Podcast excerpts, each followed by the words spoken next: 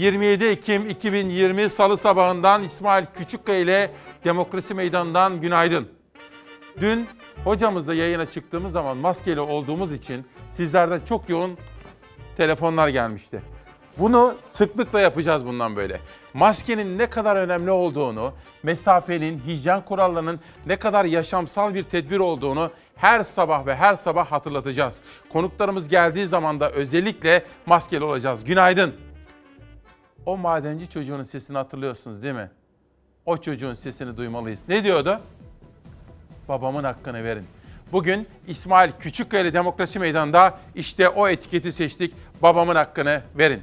Yönetmenim Hilal kardeşimden gazetelerin manşetlerini getirmesini rica edeceğim. Günün gazetelerini beraber okuyacağız.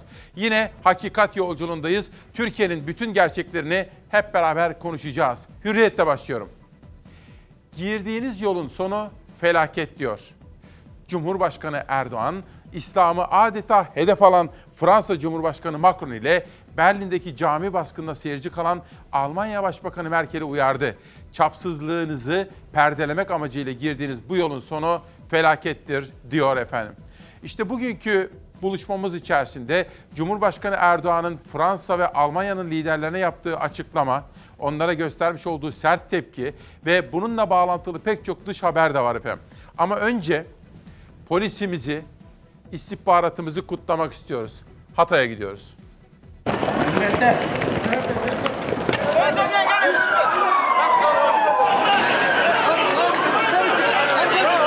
Gelmiş oldukları araçtan inerek kaçarken bir terörist imha edildi ve kendisini de o esnada patlattı.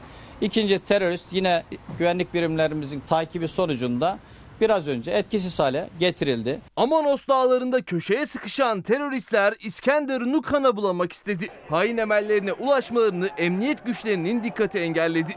İki terörist etkisiz hale getirildi. Devletin zirvesinden güvenlik güçlerine tebrik mesajları geldi. Hatay'da gerçekleştirdikleri başarılı terörle mücadele operasyonu nedeniyle kahraman güvenlik güçlerimizi tebrik ediyorum. Aferin kahramanlarımıza. İkisi de elde. Güvenlik birimlerimizi tebrik ediyorum. Ee, herhangi bir can kaybımız olmadan e, operasyonu sevk ve idare ettiler. E, neticeyi aldılar. Hatay'ın İskenderun ilçesinde akşam saatlerinde bir patlama sesi yankılandı. Herkes ne olduğunu anlamaya çalışırken kentte güvenlik güçleri bir takibe başladı. Gerçek dakikalar sonra ortaya çıktı. Bugün İskenderun'a inen bu iki terörist güvenlik birimlerimizin Amonoslarda sıkıştırması neticesinde kaçmayı tercih eden teröristlerdir. İlk etapta Payas'taki kontrol noktasında kısa bir temas yaşandı. Peşinden İskenderun çevre yolunda tekrar güvenlik birimlerimiz bunları sıkıştırdılar. Amanos dağlarında güvenlik güçlerinin operasyonuyla köşeye sıkışan PKK'lı teröristler şehre inmeye, İskenderun'u kana bulamaya çalıştı. Güvenlik güçlerinin dikkati ve özeni sayesinde tespit edildiler. Polis onları sıkıştırdı. Kaçamayacağını anlayan teröristler geldikleri aracı terk etti, yaya olarak kaçmaya çalıştı. İki teröristten biri üzerindeki bombayı patlattı, etkisiz hale geldi. Kendisini de o esnada patlattı. Emniyet güçleri diğer teröristin peşine düştü. İskenderun sokaklarında o teröristi aradı ve kısa sürede ikinci PKK'lı terörist de etkisiz hale getirildi. Polise ilk teşekkürü de İskenderunlular alkışlarla etti.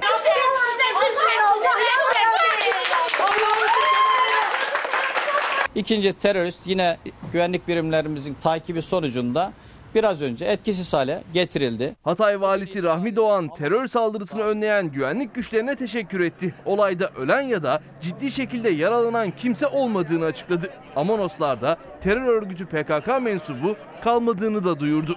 Bugün itibariyle Amanos dağlarında, Amanoslarda PKK terör örgütü imha edilmiştir. Devletin zirvesinden de kahraman güvenlik güçlerine teşekkür mesajları geldi. Cumhurbaşkanı Erdoğan ve İçişleri Bakanı Süleyman Soylu kahramanları tebrik etti. Erdoğan mesajında ayrıca Türkiye'nin terör saldırılarıyla dizayn edilebilecek bir ülke olmadığını hatırlattı. Türkiye artık bu tür saldırılarla dizayn edilebilen, yönlendirilen, meşgul edilen bir ülke değildir.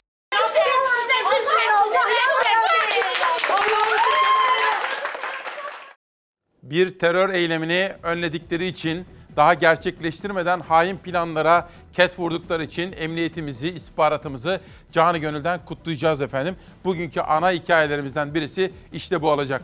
Bunun dışında sizlere ekonomiye dair çok çarpıcı haber ve manşetler hazırladığımız özel dosyalarla da gündemi anlatmaya gayret edeceğim. Hürriyet'ten Karar Gazetesi'ne geçiyorum. Ali Babacan ne diyor? Korku duvarı artık yıkıldı. Deva Partisi lideri Babacan Karar Televizyonu'nda konuşmuş. Ali Babacan, partisinin kongre sürecinde Anadolu şehirlerinde karşılaştığı vatandaşların yüksek sesle dile getirdiği şikayetleri değerlendirdi. Artık korku dağlarının teker teker aşıldığını görüyoruz. Çünkü kaybedecek bir şeyleri kalmadı. Artık o eşiği aşıp eleştirilerde bulunuyorlar diyor Ali Babacan. Buna dair de çok farklı manşetleri sizlere anlatmaya gayret edeceğim. Ben şimdi yönetmenim Hilal'den rica etsem de bugünkü manşetimizi bir hatırlatsak şu. Babamın hakkını verin diyor ya. O madencinin sesini mutlaka ama mutlaka duymalı ve duyurmalıyız. Okula gidiyorum. Babam benim cebime beş kuruş katamıyor. Babamın hakkını verin. Babamın hakkını verin. Yalnızca bu madencimiz için değil, bütün emekçi çocukları için bu haberi, bu etiketi seçtik efendim. Nitekim bugün Türk İş'in 81 ilde yapacağı kıdem tazminatı ile ilgili önemli bir açıklama var. Hükümeti bu konuda uyarıyor. Kıdem tazminatı biz çalışanların, biz emekçilerin işsiz kaldığımız günler için biriken kara gün akçesidir efendim. Kıdem tazminatı çalışanın en son kalesidir ki dokunulamaz. Bugün Çalarsat gazetesinde işte bu konuyu da gündeme taşıyacağım. Böylece Hürriyet ve Karar'dan sonra Milliyet'e geçiyorum. Sözcü gazetesine geldiğim zaman ilerleyen dakikalarda yeni kurulmakta olan bir partinin haberini de göreceğim. İsmail Saymaz bir röportaj yapmış. Kim olabilir efendim? Yeni bir parti kuruluyor. İsmail Saymaz röportaj yapmış. Kim olabilir? Tahminlerinizi alabilir miyim? Yeni bir parti. Siz düşüne durun, ben milliyeti okuyayım size. F-16'ları uçururuz. Ermenistan, Karabağ'da 3. ateşkesi de bozarken Azerbaycan lideri Aliyev net konuştu. Dış müdahale olursa semalarda Türk F-16'larını görürsünüz. Azerbaycan ile Ermenistan arasında Karabağ'da üçüncü kez ilan edilen insani amaçlı ateşkes dün 8'de başladı. Ancak Ermeni güçleri daha ateşkesin 5. dakikasında Laçin ve Terter'in köylerinde konuşulu Azerbaycan birliklerine top ateşleriyle saldırdı diyor. Hazır mı İlay bu haber? O zaman hep beraber Kafkaslara gidiyoruz. Eğer bize karşı kenardan agresiya olarsa o F-16'ları görecekler oralar. İlham Aliyev dış müdahale olasılığına Türk F-16'larıyla gözdağı verdi. Ermenistan, Azerbaycan'la üzerinde anlaştığı 3. insani ateşkesi daha ilk dakikalarda ihlal etti. Azerbaycan ordusu Dağlık Karabağ'da Ermenistan işgali altındaki topraklarını kurtarmak için hızla ilerledi. Şiddetli çatışmalar sonrası bir hedefine daha ulaştı. Kubatlı kent merkezini 27 yıl sonra işgalden kurtardı. Kubatlı şehri işgaldan azad olunmuştur. Azerbaycan güçleri Kubatlı, Cebrail ve Zengilan çevresindeki 17 köyü daha geri aldı. Güneyde Laçin koridoruna bir adım daha yaklaştı. Azat edilen Kubatlı'dan görüntüleri Azerbaycan Savunma Bakanlığı paylaştı. Azerbaycan Cumhurbaşkanı İlham Aliyev ise harekata Türk F-16'larının katıldığı iddialarını yalanladı. Ancak dış müdahale olursa o F-16'ları görürler dedi. Gedin baxın da F-16 neyinir? Havadadır, yerdədir. Herkes bilir ki yerdədir. Ödə təlimlər üçün gəlir. Türkiyə qardaşlarımız onları saxlayıblar bizə mənəvi dəstək vermək üçün. Bir də ki, əgər bizə qarşı kənardan agresiya olarsa, o F-16'ları görecekler oralar. Bölgede ateşkesi sağlamak için Rusya'dan sonra Amerika Birleşik Devletleri de devreye girmişti. Bu sayede Azerbaycan'la Ermenistan arasında üçüncü kez insani ateşkeste anlaşıldı. Ermenistan dün sabah 7'de yürürlüğe giren ateşkesi daha 5. dakikasında ihlal etti. Laçin'in Sefiyan köyü çevresine ve Terter köylerine saldırdı. Ateşkesi istəyən niyə silah göndərir Ermənistana? Hardandır bu pul? Hardan? Erivan'ın sivillere yönelik saldırıları bununla da sınırlı kalmadı. Ermenistan güçleri Tovuz, Gedebey ve Daşkesen'e top ve havan ateşi açtı. Acabedi bölgesini bombaladı.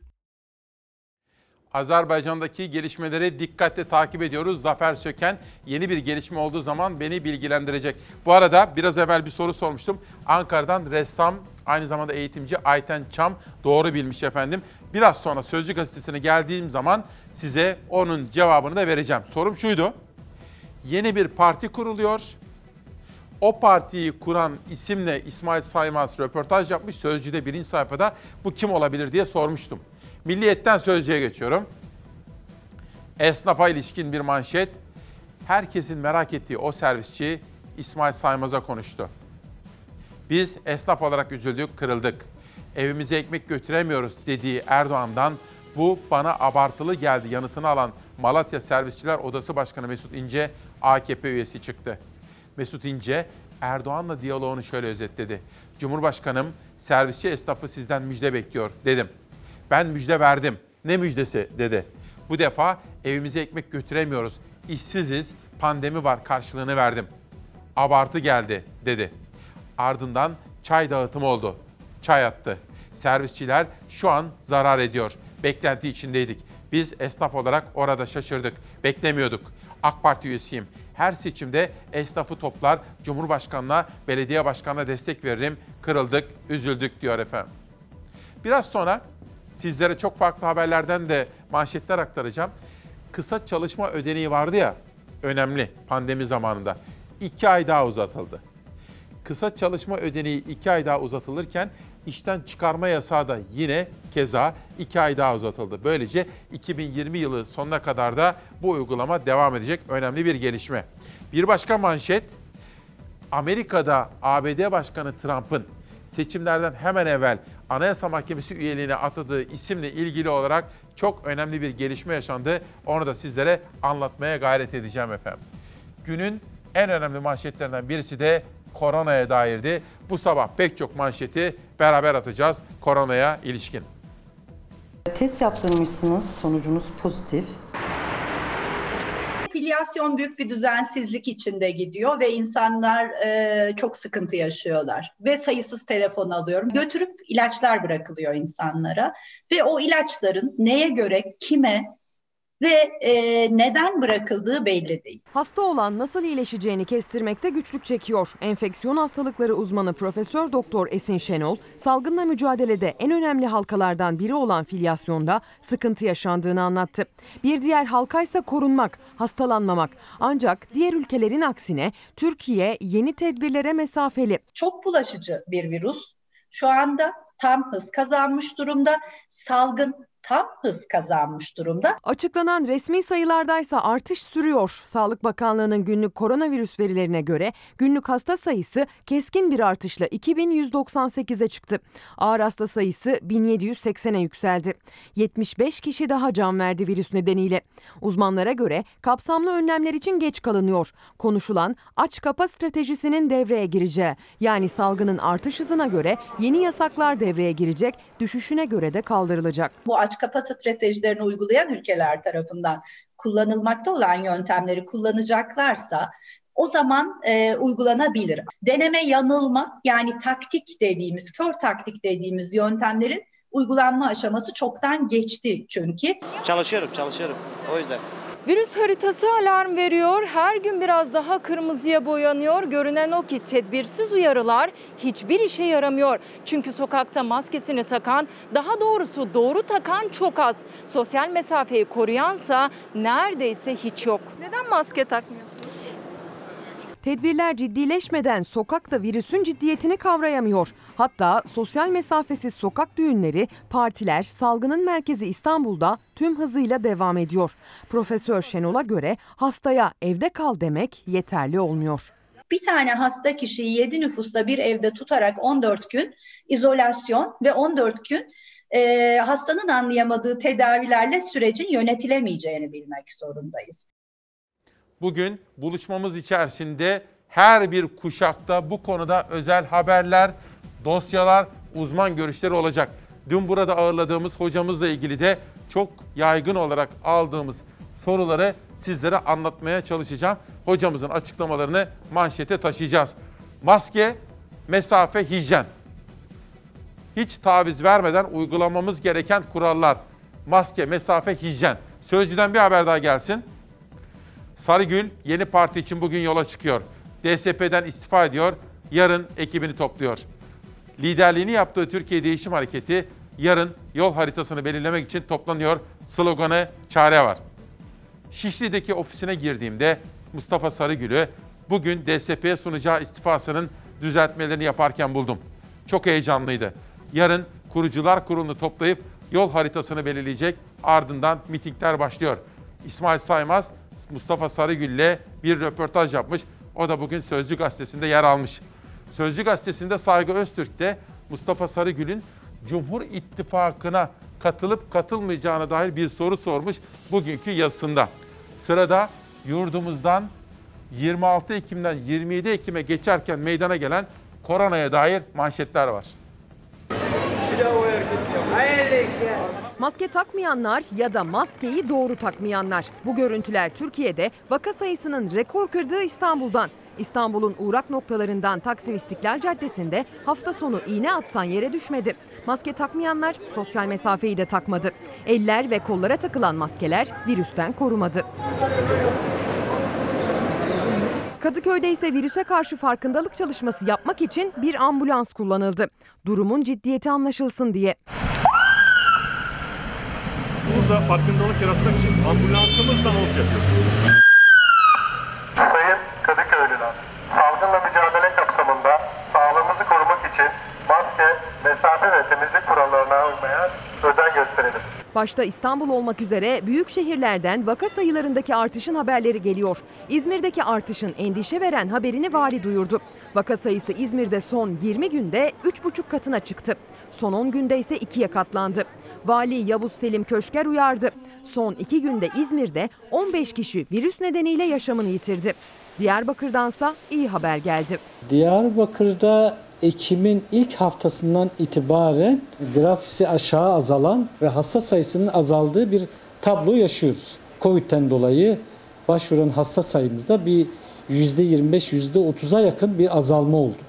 Hatta biz e, bir e, yoğun bakımımızı da e, kapatmış olduk. Dicle Üniversitesi Hastanesi Başhekimi Profesör Doktor Mehmet Akdağ, Ekim ayının grafiği için iyimser yorumlar yaptı. Ancak son 3-4 günde azalma durdu. Profesör Doktor Akdağ bu durumu havanın soğumasıyla kapalı alanlarda bir araya gelmeye bağlıyor. Son 3-4 gündür özellikle havaların soğumasıyla beraber kısmi hafif artış e, biraz da olsa bizi te, e, bizi tereddüte yol açmakta. Sayılardaki artış kadar tanınmış isimlerden gelen koronavirüs haberleri de tereddüte yol açıyor. CHP Bursa Milletvekili Yüksel Özkan testinin pozitif çıktığını duyurdu. Vekil Özkan son iki haftadır benimle yakın temas eden herkesin önlem almasını rica ediyorum dedi sosyal medya paylaşımında. Endişe veren koronavirüs haberlerine rağmen kapalı alanlarda korkusuzca bir araya gelenlerin haberleri de gelmeye devam ediyor. Ataşehir'de polis bir gece kulübüne baskın yaptı. Çıkışta mekan sahibi 5 aydır kira veremediğini, müzisyense işsiz olduğunu duruma gerekçe gösterdi. Neden işlem yapılıyor efendim? Neden işlem yapılıyor efendim? Ne, ne var dışarıda? Ne yapıyordunuz dışarıda? 5 ay kira vermedik. Tam 5 ay. Ben aç kaldım. 30 tane personele aç kaldım. Şimdi tam siz haberi izlerken ben Turgay'a sordum sesçimiz. Turgay'cığım dedim maske varken sesim nasıl? Çünkü bir baktım bizim Muhittin Aslan Türk başta herkes maske takmanın ne kadar da özendirici, hatırlatıcı, uyarıcı olduğunu söyleyince Turgay da dedi ki abi normale göre sesin maske varken bir parça daha boğuk ama dedi önemli değil. Vermek istediğin mesaj bakımından son derece önemli dedi. O zaman bir parça daha böyle devam edelim. Sözcüden sabaha geçiyorum. Sabah gazetesinin manşetinde Cumhurbaşkanı Erdoğan'ın sözleri var. Fransız mallarını sakın almayın. Başkan Erdoğan, milletime sesleniyorum. Nasıl ki Fransa'da Türk markalı ürünleri almayın deniyorsa siz de Fransız markaları asla satın almayın. Cumhurbaşkanı Erdoğan'ın bu sözlerini dün Ali Babacan bunlar çok komik ve çocukça şeyler dedi ve Fransa ile Türkiye arasındaki dış ticaret hacmini rakamlarla anlattı Ali Babacan. Ama Cumhurbaşkanı Erdoğan Fransa'nın özellikle Almanya'da dahil olmak üzere İslamofobi yani İslam karşıtlığı, İslam düşmanlığı konusundaki politikalarını sert bir şekilde eleştirdi Cumhurbaşkanı Erdoğan efendim.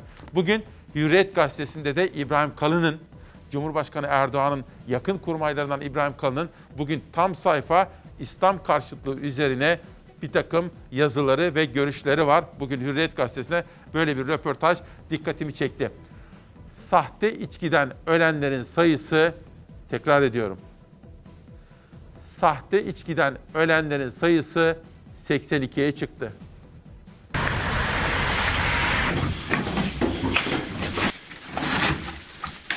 Operasyonlar tüm hızıyla devam ederken ekipler tonlarca litre sahte içki ele geçirirken acı bilançoda ağırlaşıyor. Türkiye genelinde sahte içkiden hayatını kaybedenleri sayısı 82'ye yükseldi. Sadece İzmir'de 36 kişi yaşamını yitirdi.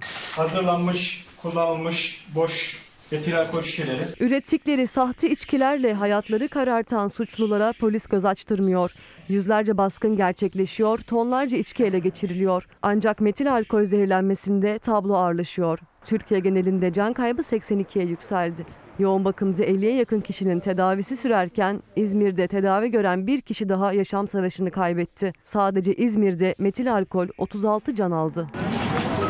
Doldurulmaya hazır vaziyette olduğunu değerlendiriyoruz. Mersin'de 12 Ekim'de sahte alkol zehirlenmesiyle hastaneye kaldırılan 26 kişiden 8'i yaşamını yitirdi. Mersin genelinde operasyonlar sürüyor. Muğla'da ise sahte içki ve kaçakçılık operasyonunda 3 kişi gözaltına alındı. Adana'da bir eve yapılan baskında 220 şişe, Kırklareli'nde ise 1150 litre sahte içki ele geçirildi. Adana'nın Seyhan ilçesinde düzenlenen operasyonda pet şişelerin içindeki sahte içki yapımında kullanılan malzemeler insan sağlığının nasıl hiçe sayıldığını gözler önüne serdi. Hatay'ın Arsuz ilçesinde bir evin bahçesinde 2040 litre sahte içki bulundu. Düzenlenen operasyonda bir kişi gözaltına alındı. Şimdi sizlerden gelen yorumlara bakalım. Bu arada sahte içki haberinde Beyza haz- haberleştirmişti. Korona ilişkin gelişmeleri de Ezgi Gözeger dikkatle takip ediyor. Şu anda dışarıdan da beni asiste eden Nihal Kemaloğlu var efendim. Editörüm Zeray Kınacı'yla da bir gazete yaptık. Ödüllük olur bugün. Onu söyleyeyim. Tuğba çizdi. Biraz sonra babamın hakkını verin diyen o çocukla ilgili ve kıdem tazminatı konusunda da o manşetleri sizlere aktaracağım. Gelin hep beraber sizden gelen yorumlara bakalım. İsmail Bey günaydın. İzmir'den selamlar. Bizlerin 3000 kişinin 6000 sayılı kanun mağdurları uzman çavuşların mağduriyetini dile getirin lütfen. Kimlikleri ve özlük hakları ellerinden alınarak emekli edilen 3000 kişi diyor. Bu da sizlerden gelen mesajlar. Bana böyle mesajlar atın olur mu? Bir bir yorum olsun, bir hak talebi olsun, bir görüş, öneri, fikir, eleştiri bana veya kime istiyorsanız böylesine yorumlar istiyorum. Çünkü sabahları demokrasi meydanı diyoruz ya buraya o nedenle. Sabahtan bir güne geçelim. Tok, açın halinden anlamaz. Milyonlar geceyi aç geçiriyor. Esnaf dükkanı siftahsız kapatıyor. Ülkenin neredeyse yarısı işsiz ama olsun. Keyifle içilecek 250 gram çayımız var diyor. Erdoğan'a göre evine ekmek götürmeyen esnaf abartıyor. İşte Bir Gün Gazetesi birinci sayfasında böyle bir manşetle çıkmış bu sabah efendim. Bir de bugünün tam da Ekim ayının sonuna doğru giderken tam da Cumhuriyet Bayramı'nın arifesinde acaba hava durumunda bize hangi mesajlar var?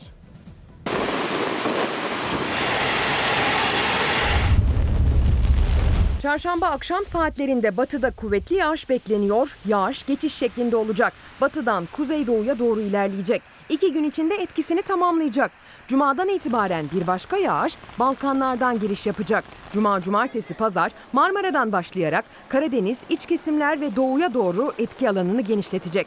Yarından itibaren gelip geçecek sağanaklar bizi bekliyor. Ancak barajları doldurmaya yeteceğe benzemiyor yağışlar. Dünyanın en kalabalık şehirlerinden biri olan İstanbul, susuzluk konusunda en büyük sıkıntıyı yaşayan şehir olacağı benziyor. Bugün İstanbul'u besleyen barajların toplam doluluğu %30'u gösteriyor. Son 6 yılın en düşük seviyesinde baraj doluluk oranları. İSKİ'nin gün gün güncellenen verilerini haber kameralarının çektiği görüntüler de destekliyor. geçen seneki e, suyla bu seneki dörtte biri yok. Kazandere 20 gün falan önce gittiğimde korkunç bir dereceydi yani. Ben geçen seneki suyun onda biri yok. Kazandere, Pabuçdere, Elmalı ve Bahçeköy barajları Kırklareli'de. Ancak hepsi İstanbul'un su ihtiyacını karşılıyor. Baraj yakınlarında yaşayan köylüler duruma şaşkın. İlk defa barajları bu kadar susuz görüyorlar. Bir de 4-5 aydır yağmurun yağmayışı e, tabii ki etkiledi bu olayları. Geçen kış kurak geçti. Ne yeterince kar yağdı ne de yağmur. Yaz mevsimi zaten su kaynaklarını beslemedi. Sonbaharda ihtiyaç duyulan ölçüde yağış bırakacağı benzemiyor. Bugün yurt genelinde yağış beklenmiyor. Sıcaklıklar dünküne benzer seviyede. Hava Marmara, Ege ve Batı Karadeniz'le İç Anadolu'nun batı kesimlerinde sisli olacak. Yüksek basınca bağlı sis çarşamba etkisini yitirecek. Çünkü yağış geliyor. Çarşamba akşam Ege kıyılarından giriş yapacak yağmur. Kıyı şeridinde kuvvetli sağanak bekleniyor. Yer yer su baskını ve taşkın görülebilir. Çarşambayı perşembeye bağlayan gece Marmara'yı da etkisi altına alabilir yağışlar. Geçiş şeklinde görülecek yağışlar perşembe günü Karadeniz'de kısmi yağışlar bırakıp yurdu terk edecek. Çarşambadan perşembeye sıcaklıklar düşecek. Sonbahar havası üşütmeye başlayacak. Hafta sonuysa havanın serinden öte soğuk olması bekleniyor. Şimdiden söylemekte fayda var. Sırada kahveci esnafı var. Zor durumda. Haftalardan beri seslerini duyurmaya çalışıyorlar. Ama önce sizlerden gelen bir mesaj. Bu arada etiketi tekrarlamak isterim. Babamın hakkını verin. Bugünkü etiket babamın hakkını verin. O madenci çocuğunun haykırışından yola çıkarak bulduk. Ama ayrıca Çalarsat gazetesinde kıdem tazminatı konusunda da bugün Türk İş'in 81 vilayetimizde yapacağı açıklamayı da anlatan bir etiket oldu. Babamın hakkını verin. Gelin konuşalım. İsmail Bey yayınlar. EYT'lilerin çocuklarının haykırışı, emekçinin alın terimizin kıdem tazminatı, hak, hukuk, adalet, babamın hakkını verin diye haykırışı sonsuz teşekkürler. Bakın retweet etmek diyoruz ya, retweetle. Yani bu mesajı bana yazmış, ben de o düğmeye basınca, retweetle yapınca beni takip eden yaklaşık 4 milyon insan da onu takip etmiş oluyor. O mesajı okumuş oluyor daha doğrusu. O mesajı da ben benim takipçilerimle de paylaşmış oluyorum. Cumhuriyet'in manşeti 29 Ekim'i de yasakladılar. Her ilde kongre düzenleyen AKP iktidarının ulusal bayram alerjisi sürüyor. Salgını gerekçe gösteren hükümet 23 Nisan, 19 Mayıs ve 30 Ağustos'un ardından Cumhuriyet Bayramı kutlamalarına da yasak getirdi. İçişleri Bakanı Soylu tarafından valiliklere gönderilen genelgede valilik ve kaymakamlık tarafından onaylanan kutlama programları dışındaki etkinliklere izin verilmeyeceği belirtildi. Belediyelerin ve halkın en büyük bayramını kutlama özgürlüğüne yasak getiren iktidar partisi kısıtlama kararlarını yalnızca ulusal bayramlarda hatırlıyor. İktidarın onay verdiği toplantı ve gösterilere en ufak bir müdahale de bulunulmazken iki gün önce Cumhurbaşkanı Erdoğan'ın katılımıyla AKP Malatya İl Kongresi düzenlenmişti diyor efendim. Bu arada söz hakkı gereği şunu da söylemeliyim. İsmail Çataklı İçişleri Bakan Yardımcısı 29 Ekim kutlanacak hem de coşkuyla diyor. Herhangi bir kısıtlama daha doğrusu İçişleri Bakanlığı Bakanlık Sözcüsü İsmail Çataklı böyle bir açıklama yaptı. Ama 29 Ekim'de ne olacağını hep beraber izleyip göreceğiz. Kahveci esnafının sesini de duyuralım. Çünkü kahvecilerin çocukları da diyor ki babamın hakkını verin.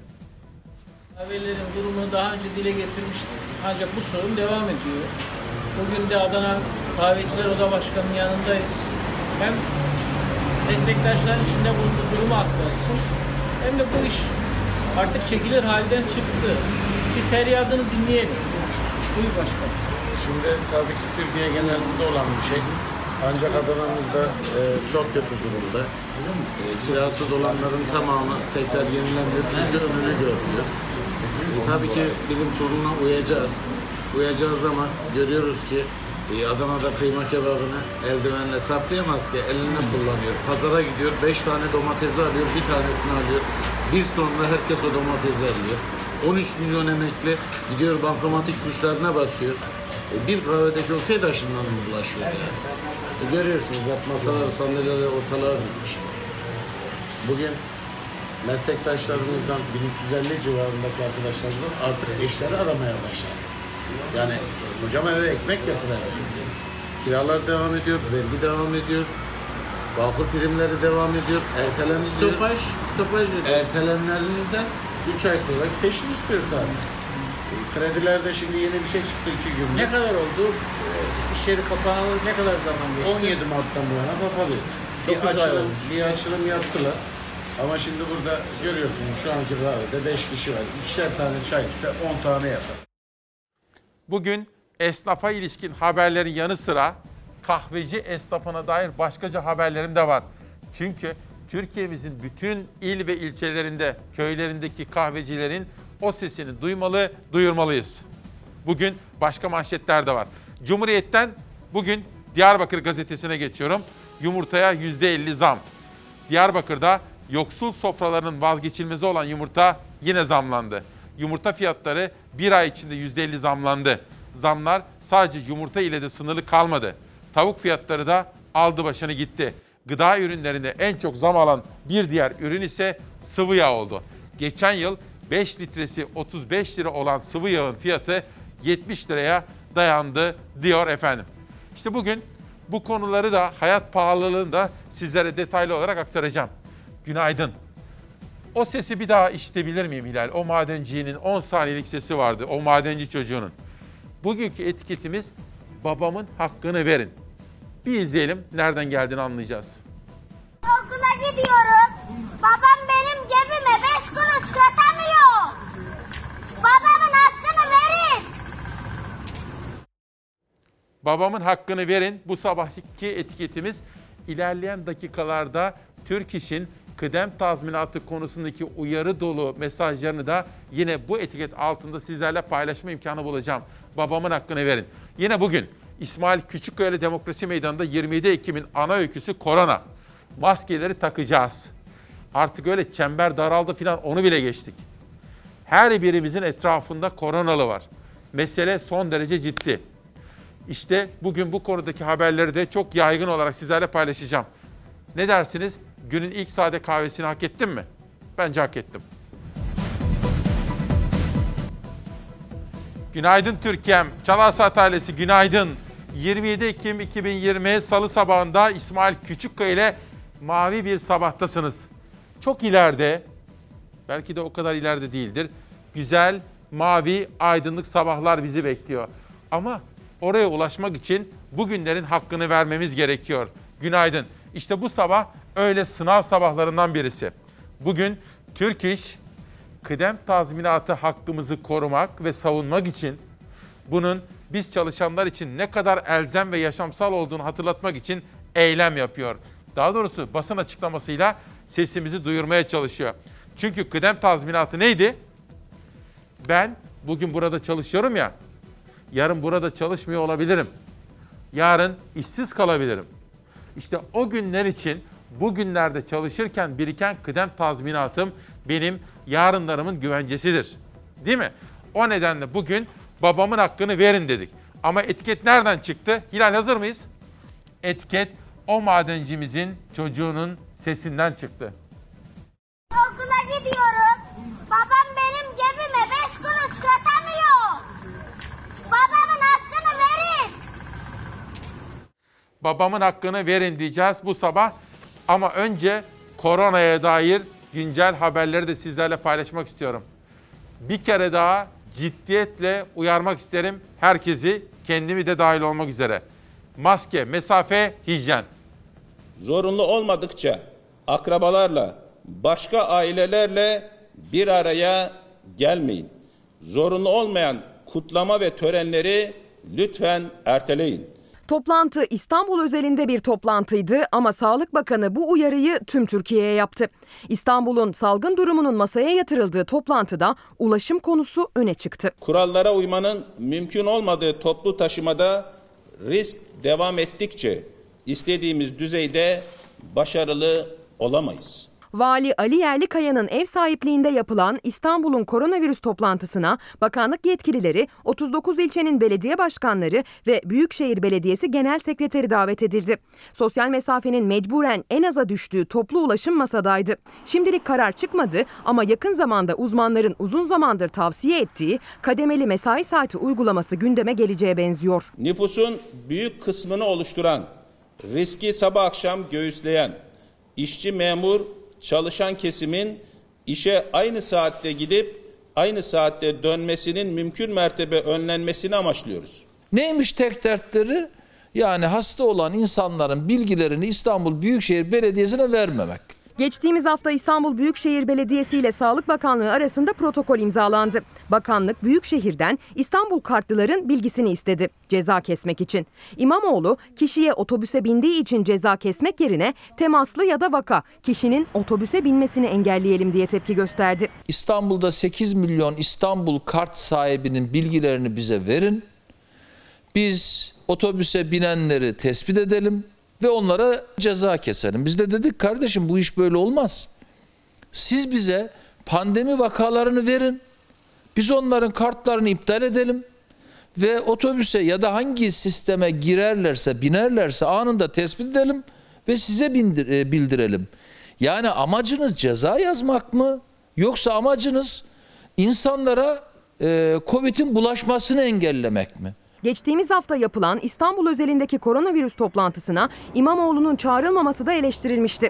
Ek seferler konması, toplu ulaşımdaki sosyal mesafenin sağlanabilmesi için yapılması gerekenler ilçe belediye başkanları ve Büyükşehir Belediyesi yetkilileriyle görüşüldü bu kez. Toplantıda otobüs, metrobüs, metro ve tramvay seferlerine ek seferler konması, saat düzenlemesi yapılması gündeme getirilmiştir. Toplu taşıma, pazar yerleri, alışveriş ortamları, çeşitli kent alanları müdahale bekleyen konulardır.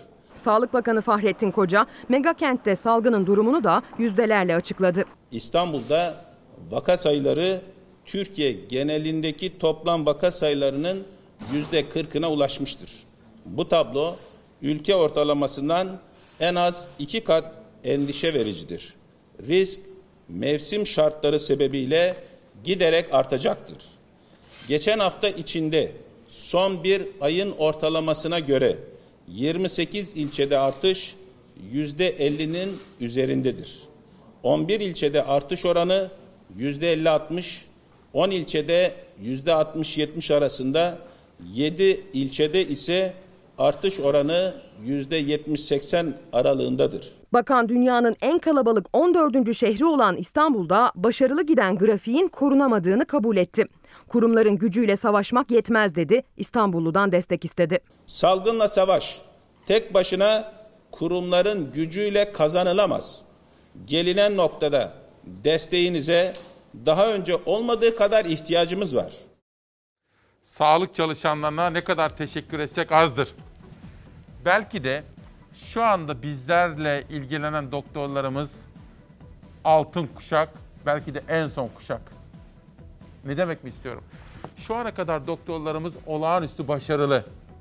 Zamanında mesela benim doğup büyüdüğüm Simav'ın en parlak öğrencileri, Kütahya'nın, Ege bölgesinin, Türkiye'nin en parlak gençleri ne oldu?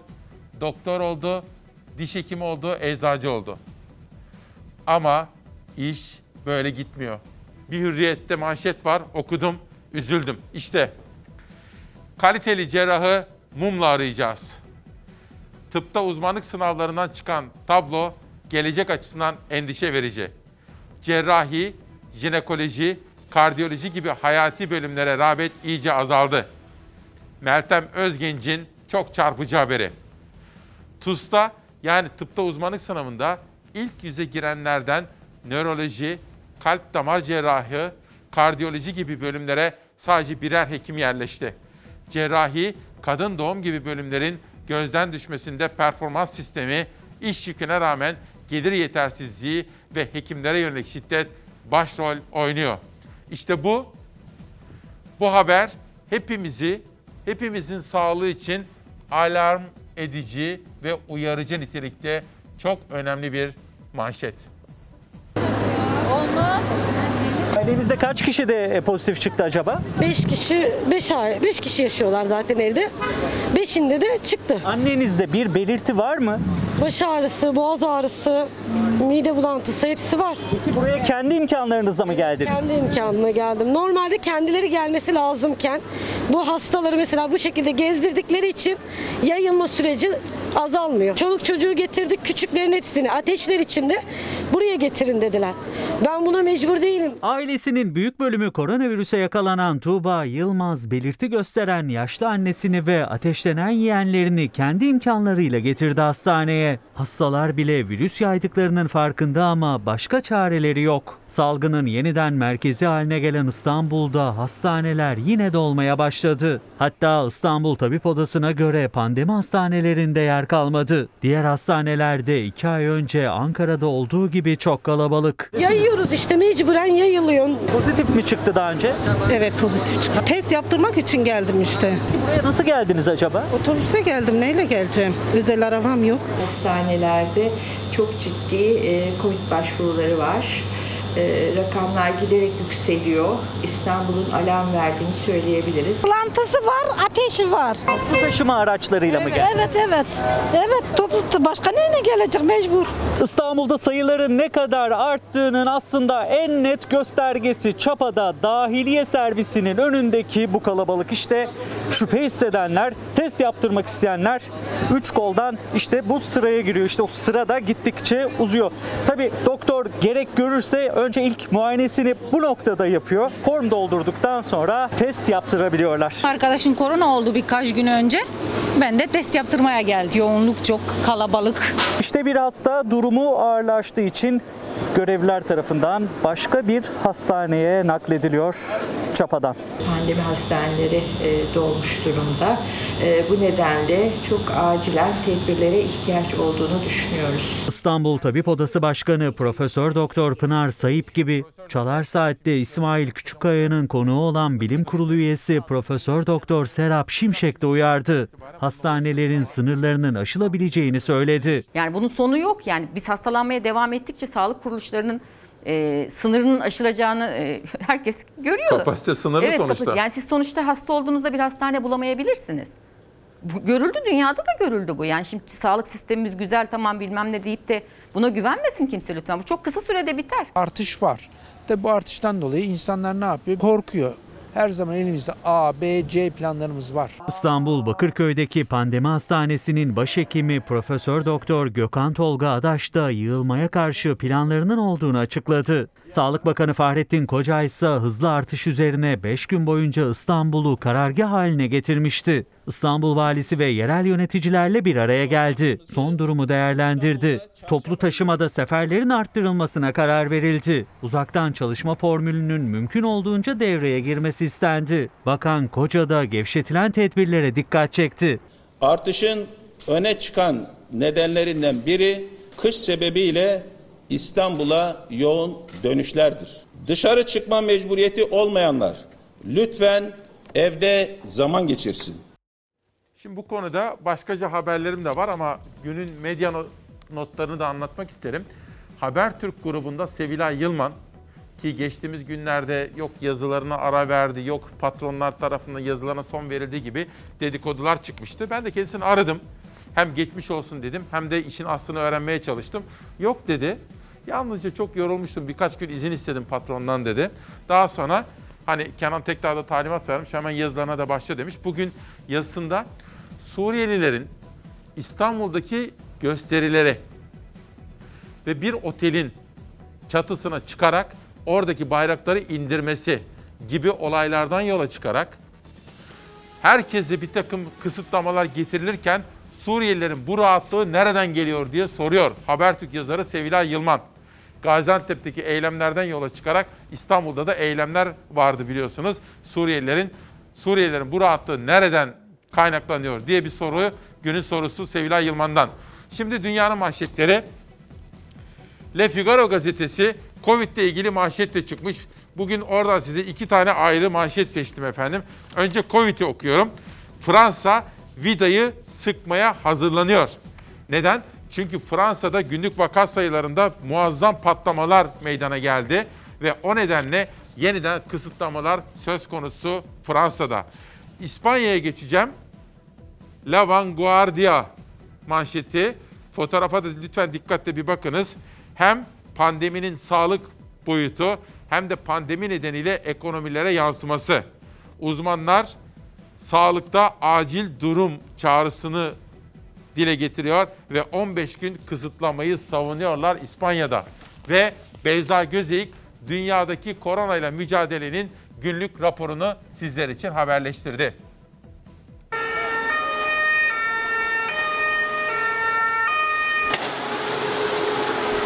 İtalya rekor koronavirüs vakalarıyla sarsılıyor. Son olarak 24 saatte 17 bin kişiye daha Covid-19 teşhisi kondu. Ülke genelinde uygulanan kısıtlayıcı tedbirler kaosa yol açtı. Protestolar bazı bölgelerde şiddet eylemlerine dönüştü.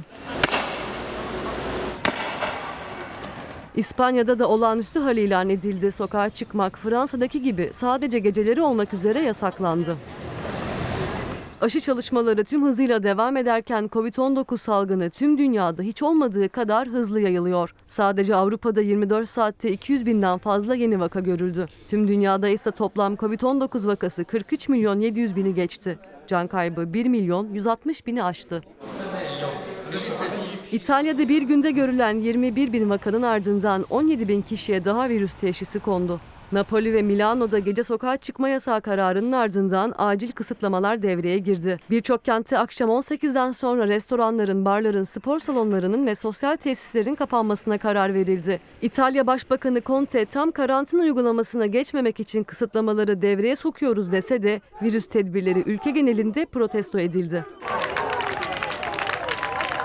Torino, Milano ve Napoli'de protestolar çatışmaya dönüştü. Polis öfkeli kalabalıklara göz yaşartıcı gazla müdahale etti.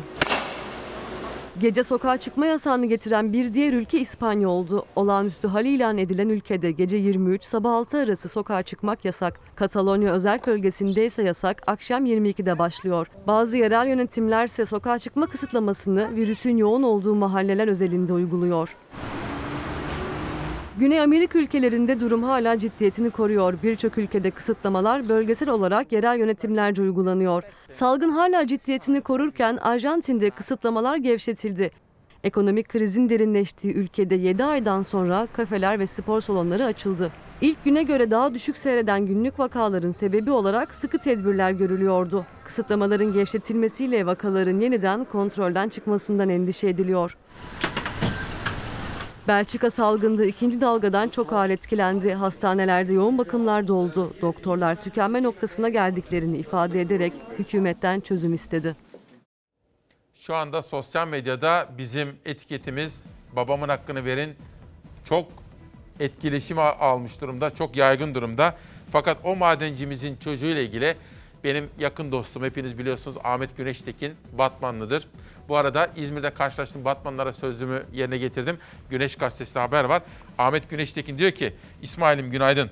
Babası işten çıkarılan çocuğun bütün eğitim masraflarını bütün eğitim masrafları üniversiteyi bitirene kadar üniversite dahil karşılamak isteyen bir dostum beni aradı diyor. Sonra iznini al dedim örnek olsun diye söyledim. Zafer Kutanoğlu'na da gösterdiği duyarlılık için çok teşekkür ediyorum. O madencimizin sesi duyulsun istiyorum. Sizlerden gelen mesajlar. Aleyna lütfen sesimi duyurun diyor. Şakir Altun, İsmail Bey öğretmen konusu ve 3600'ü hatırlatırsanız memnun oluruz diyor. Türkiye'nin çoğu elektrik faturası yüzünden icralık tebligat göndermeden icraya veriliyoruz bakın. Bir başkası da Allah rızası için yardım edin diyor ama konunun ne olduğunu da yazmamış efendim. Kısa çalışma ödeneği ile ilgili bir haber var ama bakın size biraz umut vermek istiyorum ama umut böyle hayal satarak değil, gerçek. Bu kitaba şöyle bir bakın. Lara Özkan. İngilizce bir kitap. Ve içinde çıkan bir mektup. İçiniz umutla dolsun istiyorum. Sevgili İsmail Küçükkaya, ben lise son sınıf öğrencisi Lara Özkan. Programınızı yurt dışından severek takip ediyoruz. Size Amerika'dan sevgi ve saygılarımı iletiyorum. Amerika'da 2020'de en iyi bilim akademisi seçilen Bergen Bilim Akademisi'nde okuyorum. Son 3 senedir genetik ve Biyoinformatik konusunda araştırmalar yapmaktayım. Özellikle diyet ve kanser ilişkisi üzerine çalışıyorum. Bu araştırmalarım sırasında kullandığım teknikleri diğer bilim insanlarıyla paylaşmak amacıyla yazılmış RNA işte bu kitaptan bahsediyor efendim. Kitabı yayınlandı. Bu kitabı sizinle paylaşmak istedim. Siz de programınızda bu kitabı paylaşırsanız çok sevinirim. Her ne kadar bilimsel bir kitap olsa da Türkiye'deki öğrenci arkadaşlarımıza bir ilham kaynağı olması itibariyle anlamlı olacağını düşünüyorum. Ayrıca kitabın bütün geliri Kanser Araştırmaları Vakfı'na bağışlanmaktadır. Lara Özkan. Bakın çok önemli değil mi? Bir bilim kadını yetişiyor çocuğumuz. Pencere gazetesinden bir haber, sonra kısa çalışma ödeneğine dair bir manşet gelecek. Hızlı gittik, 2023'ü geçtik. Dolar haftaya hızlı başladı. 8 lira psikolojik sınırını kolay geçti. Günü 8 lira 08 kuruştan kapattı. Euro'da da 9.50 sınırı aşıldı. Daha bir ay önce Hazine Bakanı 2023 için dolar hedefini 8 lira 02 kuruş olarak açıklamıştı. Yani bir ayda 2023 tahmini aşıldı diyor efendim. Sabah uyananlar için yeni bir haberi vermek isterim. Kısa çalışma ödeneği ve işten çıkarma yasağı yıl sonuna kadar uzatıldı. 2020 yılına kadar da bu kapsama alanına alınmış oldu.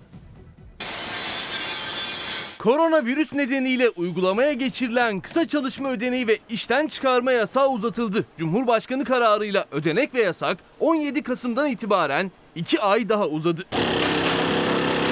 Koronavirüs pandemisi nedeniyle hayata geçirildi kısa çalışma ödeneği ve işten çıkarma yasağı. Çalışanlar ve sendikalar işten çıkarma yasağını destekliyor. Ancak kısa çalışma ödeneğinin ve ücretsiz izin maaşlarının azlığından yakınıyor. En az asgari ücret kadar olmasını istiyor. Bu alanda düzenleme bekliyordu. Sürenin uzamasıyla beraber mağduriyetler her geçen gün artmaya devam ediyor. Milyonlarca işçi 2 ay daha günde 39 lira, aylık 1168 lira ile yaşamaya mahkum edildi. 17 Kasım'da sona eriyordu. Kısa çalışma ödeneği ve işten çıkarma yasağı. Resmi gazetede yayınlanan Cumhurbaşkanı kararıyla ödenek ve yasak 17 Kasım'dan itibaren geçerli olmak üzere 2 ay uzatıldı. Ödeneğin artırılmasıyla ilgili ise bir düzenleme yapılmadı. Bütün işçilerin kısa çalışma ödeneğinden yararlanması sağlanmalı ve en düşük kısa çalışma ödeneği miktarı da en az asgari ücret düzeyinde olmalıdır. 1168 lirayla ben geçinemiyorum diyecek, işten ayrılacak, istifa edecek.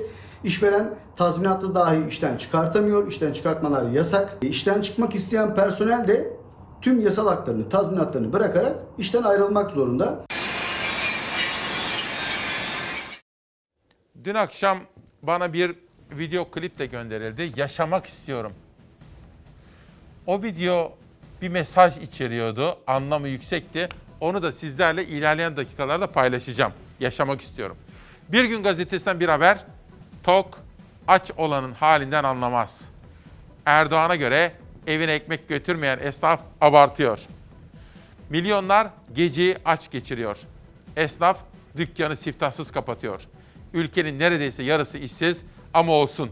Keyifle içilecek 250 gram çayımız var diyor. İki gündür sosyal medyada çok fazla konuşulan, iktidarıyla muhalefetiyle her kesimden eleştiri, yorum, görüş, öneri alan ama etkileşimi çok yüksek bu olaya geldi sıra. Hilal hazır mıyız? İzleyelim. Evimize ekmek götüremiyoruz. Bu biraz bana abartılı geldi. Çok abartılı geldi bana. Evimize ekmek götüremiyoruz diyen servisçi esnafına abartılı konuşuyorsun dedi Cumhurbaşkanı. Çay ikram etti. Çay, çay iç. Anlaşılan Türkiye artık ekmek bulamıyorlarsa keyif çayı içsinler dönemine girdi. Malatya'daydı Cumhurbaşkanı Erdoğan ilk kongresinde konuştu. Toplu açılışa katıldı. Sonrasında otobüsle ilerlerken kalabalığı gördü durdu. Servisçilerdi. Malatya Minibüs ve Servisçiler Esnaf Odası Başkanı Mesut İnce Erdoğan'a depremden dolayı verilen sıfır faizli kredi için teşekkür etti. Ama pandemiden dolayı yaşadıkları sıkıntıyı dile getirdi, müjde istedi. Pandemiden dolayı da Sayın Cumhurbaşkanım büyük bir mağduriyetimiz var. 350 bin servisçi esnafımız Malatya'da sizden müjdeler bekliyor. Ne müjdesi?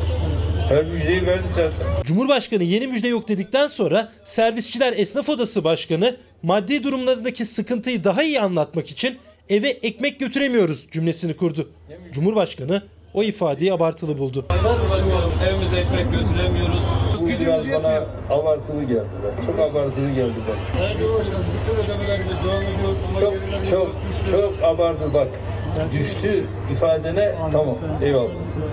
Ama eve ekmek götüremiyoruz dediğin zaman Servisçi gerçekten perişan. Hükümetin ortağı, küçük ortağı askıda ekmek kampanyası başlattı. Aynı günlerde eve ekmek götüremiyoruz diyen bir vatandaşımıza abartma denmesi ne kadar büyük bir çelişki olduğunu ortaya koyuyor. Hangisi doğru? Erdoğan'ın eve ekmek götüremiyoruz cümlesine karşı abartı demesi, servisçi esnafına keyif çay ikram etmesi muhalefetin de gündemindeydi. Vatandaşın derdiyle dertlenerek iktidar olanlar bugün vatandaşın derdiyle dalga geçiyor. Dolar 8 TL olmuş, bakan soruyor. Dolarla mı maaş alıyorsunuz? Cumhurbaşkanı nasihat veriyor. Ekmek bulamıyorsanız keyif çayı için. Türkiye bu iktidarı hak etmiyor. Keyif çayı içmek için vatandaşın karnı tok sırtı pek olmalı. Vatandaş karnım aç diyor. Çay, çay, çay iç. Çaycı, getir ilaç kokulu çaydan. Dakika düşelim senelik paydan. Saadet Partisi de Cumhurbaşkanı'nın ekmek bulamıyoruz diyen esnafa çay ikramını şiirle doların 8 lira olmasını da hatırlatarak eleştirdi. Malatya Servisçiler Esnaf Odası Başkanı sözleri mecaziydi. Cumhurbaşkanının sözlerine üzüldük ama ben de AK Partiliyim derken Ankara Kahveciler Odası Başkanı da Erdoğan'ı çaya davet etti. Sayın Cumhurbaşkanım, bizim keyfimiz kalmadı. Uykularımız kaçtı. Telefonlarımız susmuyor. 8 aydır Ankara'nın göbeğinde bir sivil toplum örgütü başkanı feryat ediyor. Buyurun sizi kahvehaneye bir çay içmeye davet ediyorum. Bize yardım edin. Açız, aç. Şimdi efendim bana da sormuş Mustafa Bey. Eve ekmek götüremiyorum sözü abartı değildir. Bunu işte kahveci de söyleyebilir, servis şoförü de söyleyebilir, başkaları da işsiz, emekli de söyleyebilir. Çünkü bizde bir tabir var ya ekmek kavgası. Ekmek ka- yani hepimizin mücadelesi ekmek için öyle değil mi? Eve ekmek götüremiyorum sözü abartı değildir. O ben zor durumdayım diyerek bir sesi duyurmak istemektedir.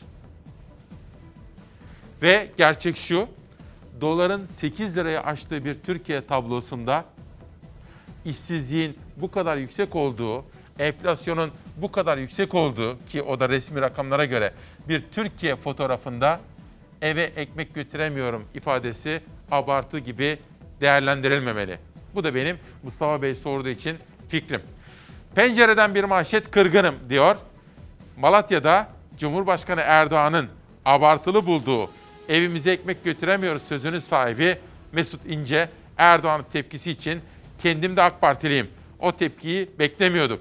Hala da Cumhurbaşkanı olan sevgimizden şey yapmadık ama kırıldık, üzüldük dedi diyor. Neden öyle biliyor musunuz? Dolara, euroya, faize ve enflasyona bakarsak durumun aslında çok parlak olmadığını anlamış oluruz. Daha birkaç gün önce getirdikleri orta vadeli programda ortalama dolar kurunun 6 lira 91 kuruş olması öngörülmüştü. Bugün dolar 8 lirayı aştı. 2020'de OVP kur tahmininin tutması için yılın son aylarında doların ortalama 7 lira 34 kuruşa düşmesi gerekiyor. Bu bir hayal. Bugün kur çıkar, yarın iner. Yarın çıkar, öbür gün iner. Dolar yükselince telaşlanıyorum. Kur yükselince telaşlanıyorum. Eyvah diyorum. Dolarla mı maaş alıyorsunuz? Her ne kadar hükümet biz kura bakmıyoruz, kurla alakamız yok diyorsa, maaşın dövizle mi, karşılarındakini bilmeyen, cahil yerine koyarak sorular soruyorlarsa da döviz kuru Türkiye'de maliyetleri çok çok etkiliyor. Ben önümüzdeki şu kağıt döviz yani döviz. Teknoloji döviz. Döviz kuru rekorla kapattı günü. Dolar 8 lira 9 kuruşu, euro 9 lira 56 kuruşu gördü. Kurdaki bu zirve muhalefetin gündemindeyken Hazine ve Maliye Bakanı Berat Albayrak büyüme patikasına girdik dedi. Son gelen veriler ekonomimizin büyüme patikasına girmesini destekleyecek şekilde rotasında ilerlediğini gösteriyor. Ekim ayında hizmet sektörü güven endeksi %6.4, perakende ticaret sektörü güven endeksi %1.7 arttı. Bindik bir alamete, gidiyoruz kıyamete. Sosyal medyadan kendi kendine alkışlayan sosyete damadın bundan haberi var mı?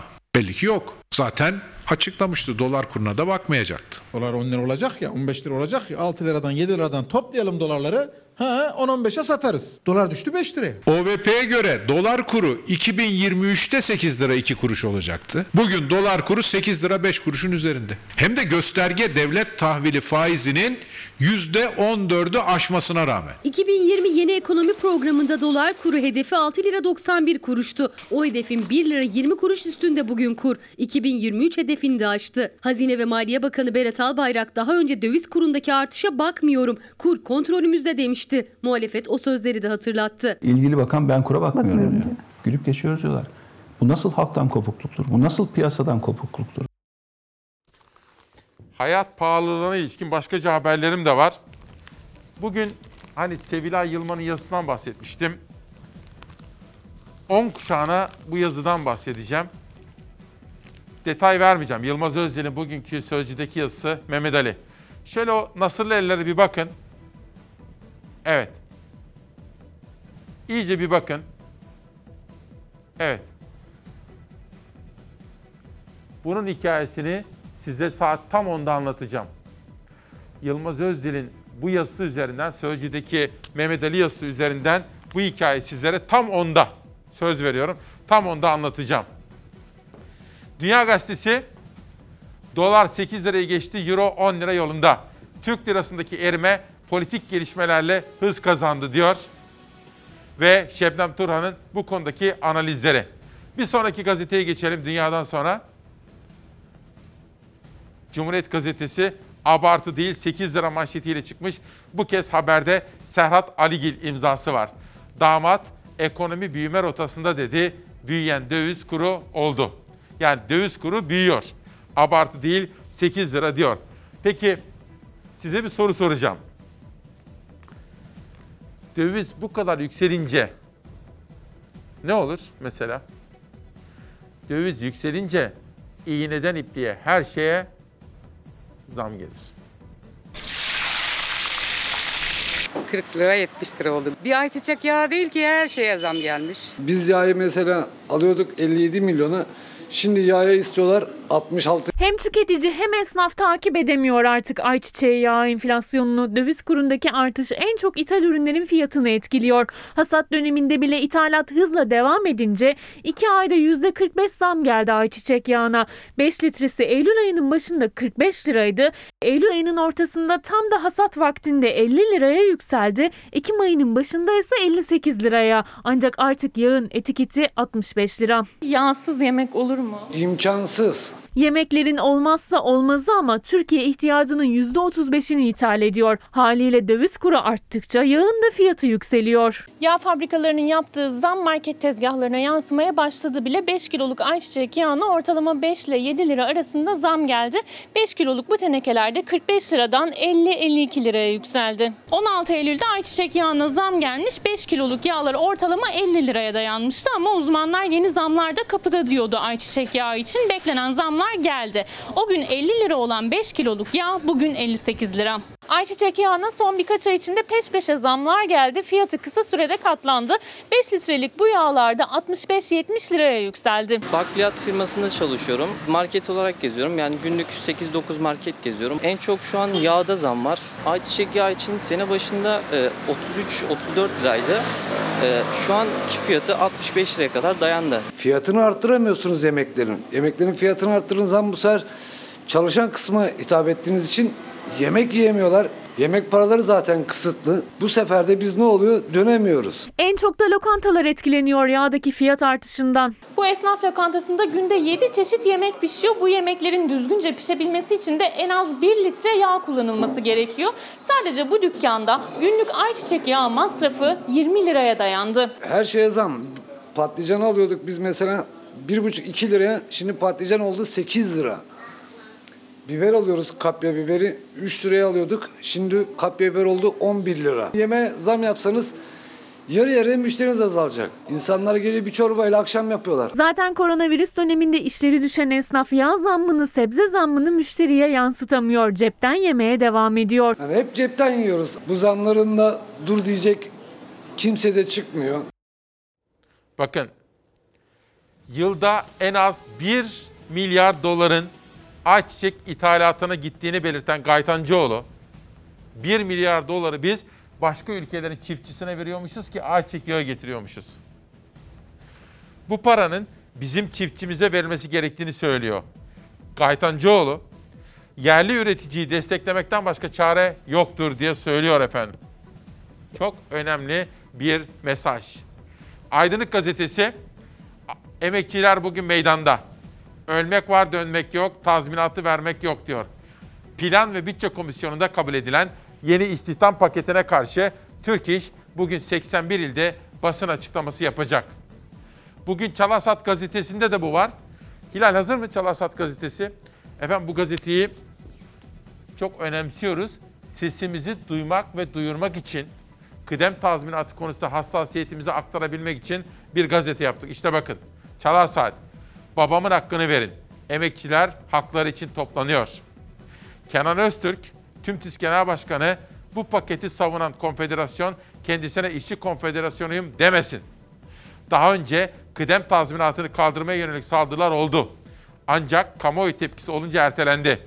Bu yasa çıkarsa 25 yaş altı ve 50 yaş üstü için kıdem tazminat hakkı artık yok.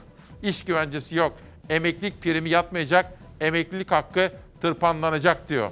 Dolayısıyla efendim bu biz çalışanların işsiz kalma ihtimalimiz olan yarınlar için en önemli güvencemizdir. Bu bizim kazanılmış hakkımızdır. Dokunulamaz diyorum.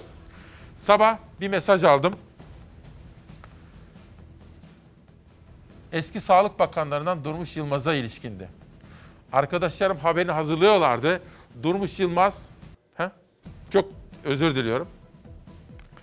Osman Durmuş. Eski Sağlık Bakanlarımızdan Osman Durmuş. MHP'li bir isimdir. Yaşamını yitirdi. Osman Durmuş'un vefat haberini arkadaşlarım hazırlıyorlardı.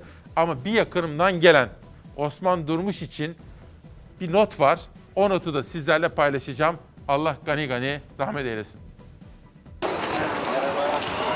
Demokrasi de sizin sözlerinizin iktidar olmasıdır. Beyin kanaması geçirdi hastaneye kaldırıldı. 5 gün boyunca yoğun bakımda yaşam mücadelesi verdi. Eski Sağlık Bakanı Osman Durmuş hayatını kaybetti. Tanıya da aşıya da büyük bir ihtiyacımız yoktur.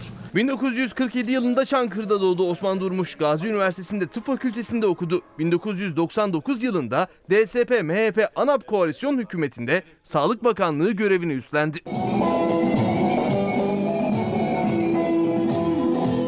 2002 yılına kadar Sağlık Bakanıydı Osman Durmuş. 2003 yılında ise profesör ünvanını kazandı. Akademik çalışmalarına devam etti. Aşılama programı aksadığı için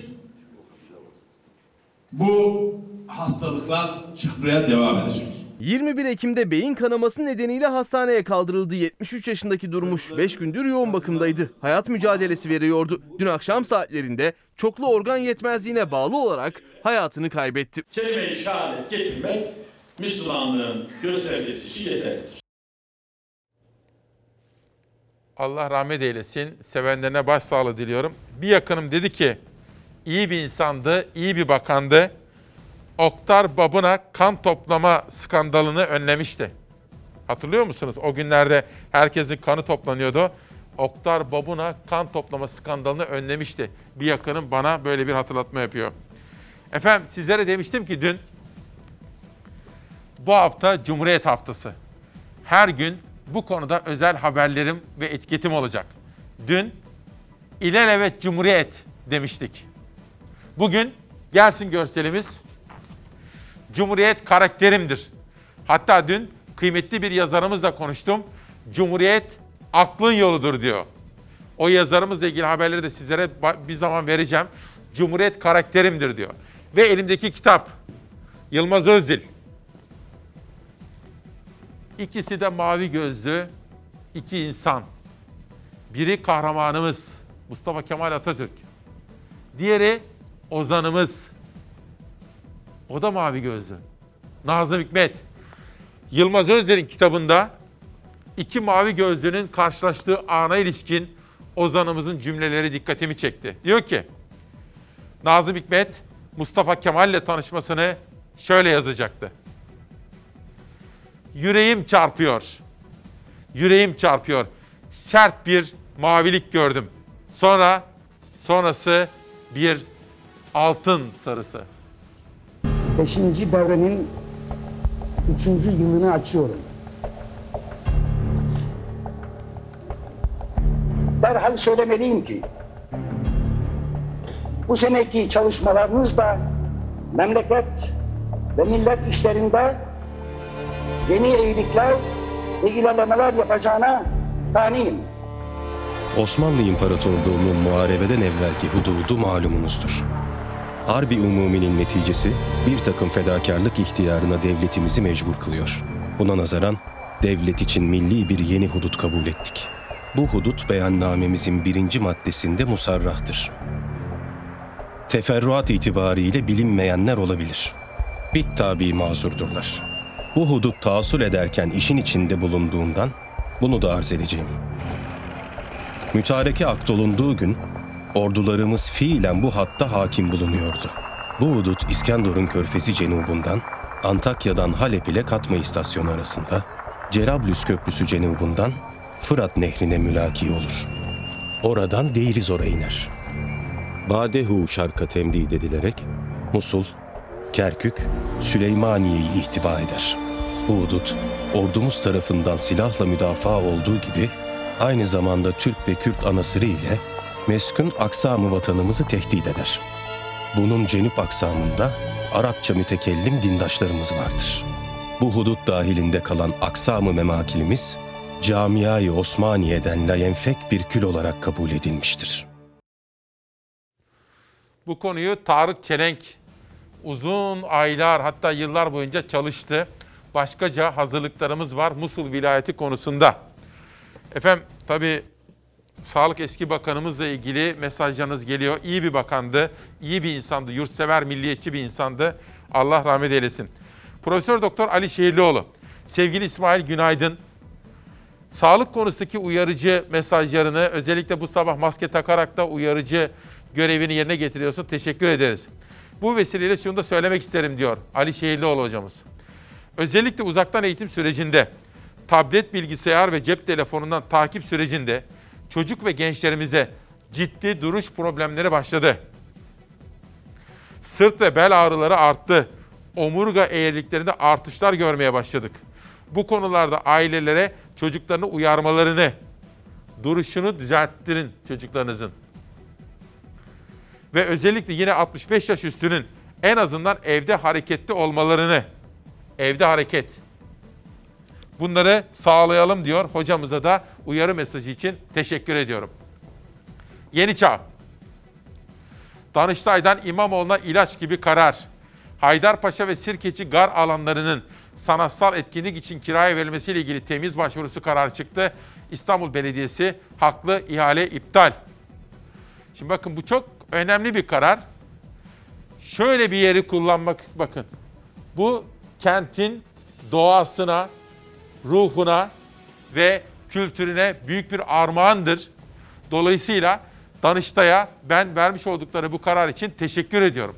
İstanbul'u seven bir İstanbul sevdalısı olarak teşekkür ediyorum. Çünkü İmamoğlu söz verdi. Orayı koruyacağız dedi efendim. İyi Parti 3 yaşını doldurdu.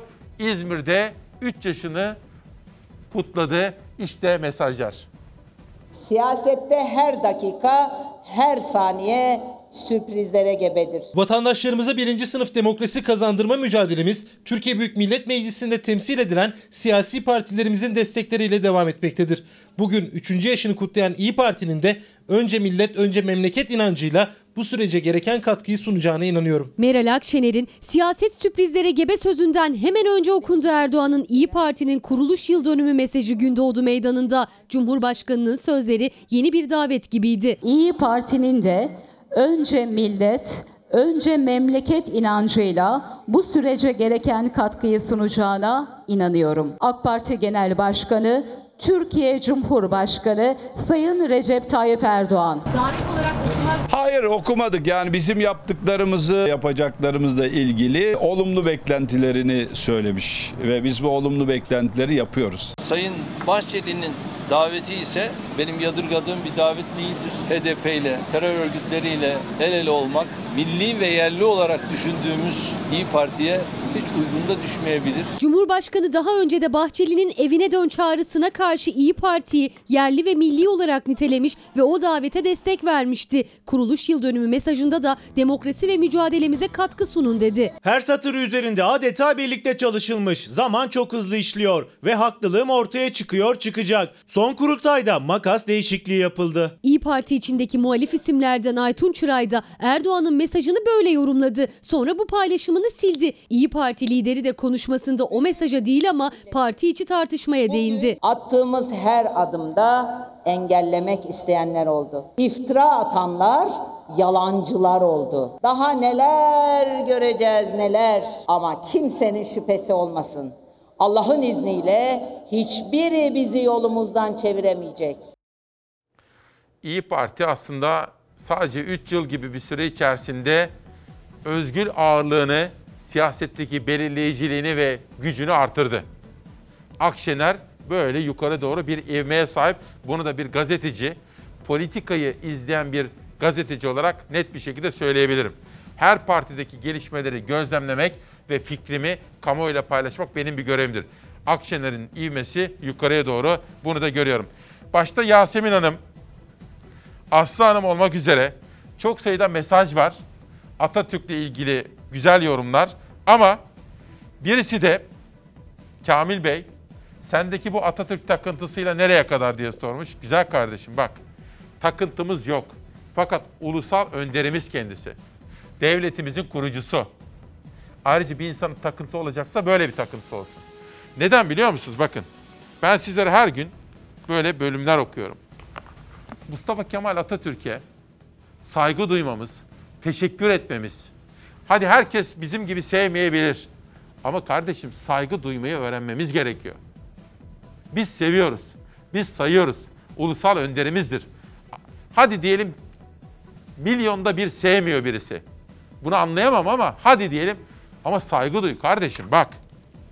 Bu kitapta Türkiye Cumhuriyeti tarihi Doktor Orhan Çekiç. Neden saygı duy biliyor musun Kamil Bey? Bak. Burası İstanbul. İstanbul resmen işgal altında. İngiliz işgal kuvvetleri Galata Köprüsü'nden geçiyorlar. Mustafa Kemal Paşa'nın söylediği gibi geldikleri gibi gittiler ve bu kez bu töreni bir daha yaptılar dönüşleri için. Burası İstanbul bakın. Yani demem o ki sevmeyebilirsin ama saygı duymak zorundasın. Nankörlük yapamazsın. Güzel kardeşim. Bugünkü etiketimiz şu anda çok konuşuluyor. Etiketimiz babamın hakkını verin. Şimdi ben sizlerden bir müsaade isteyeceğim. Dönüşte ekonomiye dair haberler, kıdem tazminatı konusundaki manşetler, bir de şu nasırlı eller, gelin bakın. Söz verdim size. Yılmaz Özdel'in bugün Sözcü'deki yazısı. Bu elin, bu nasırlarının hikayesini size anlatacağım.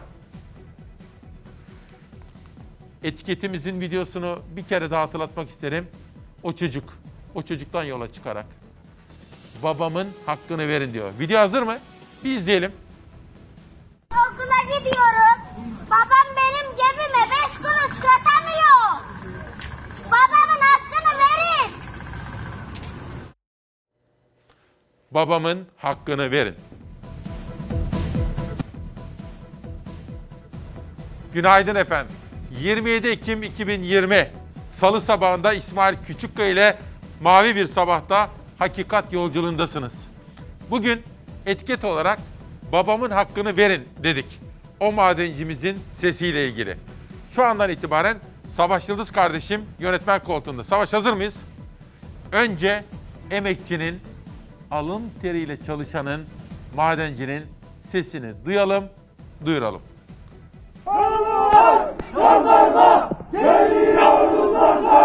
Tazminatları ve maaş hakları için yetkililerle yaptıkları görüşmelerden sonuç alamadıklarını söyledi Ermenekli madenciler.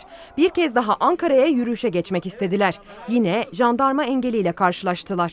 Bu yapılan eylem hem 2009, 2911 sayılı toplantı gösteri yürüyüşleri kanununa aykırı hem de aynı zamanda İl Hıfzı Sıla Kurulu'nun pandemi nedeniyle almış olduğu kararlara aykırılık teşkil etmekte. Dolayısıyla her iki açıdan da suç teşkil etmektedir. Biz belirli haklara sosyal mesafe uyarak gideriz yani.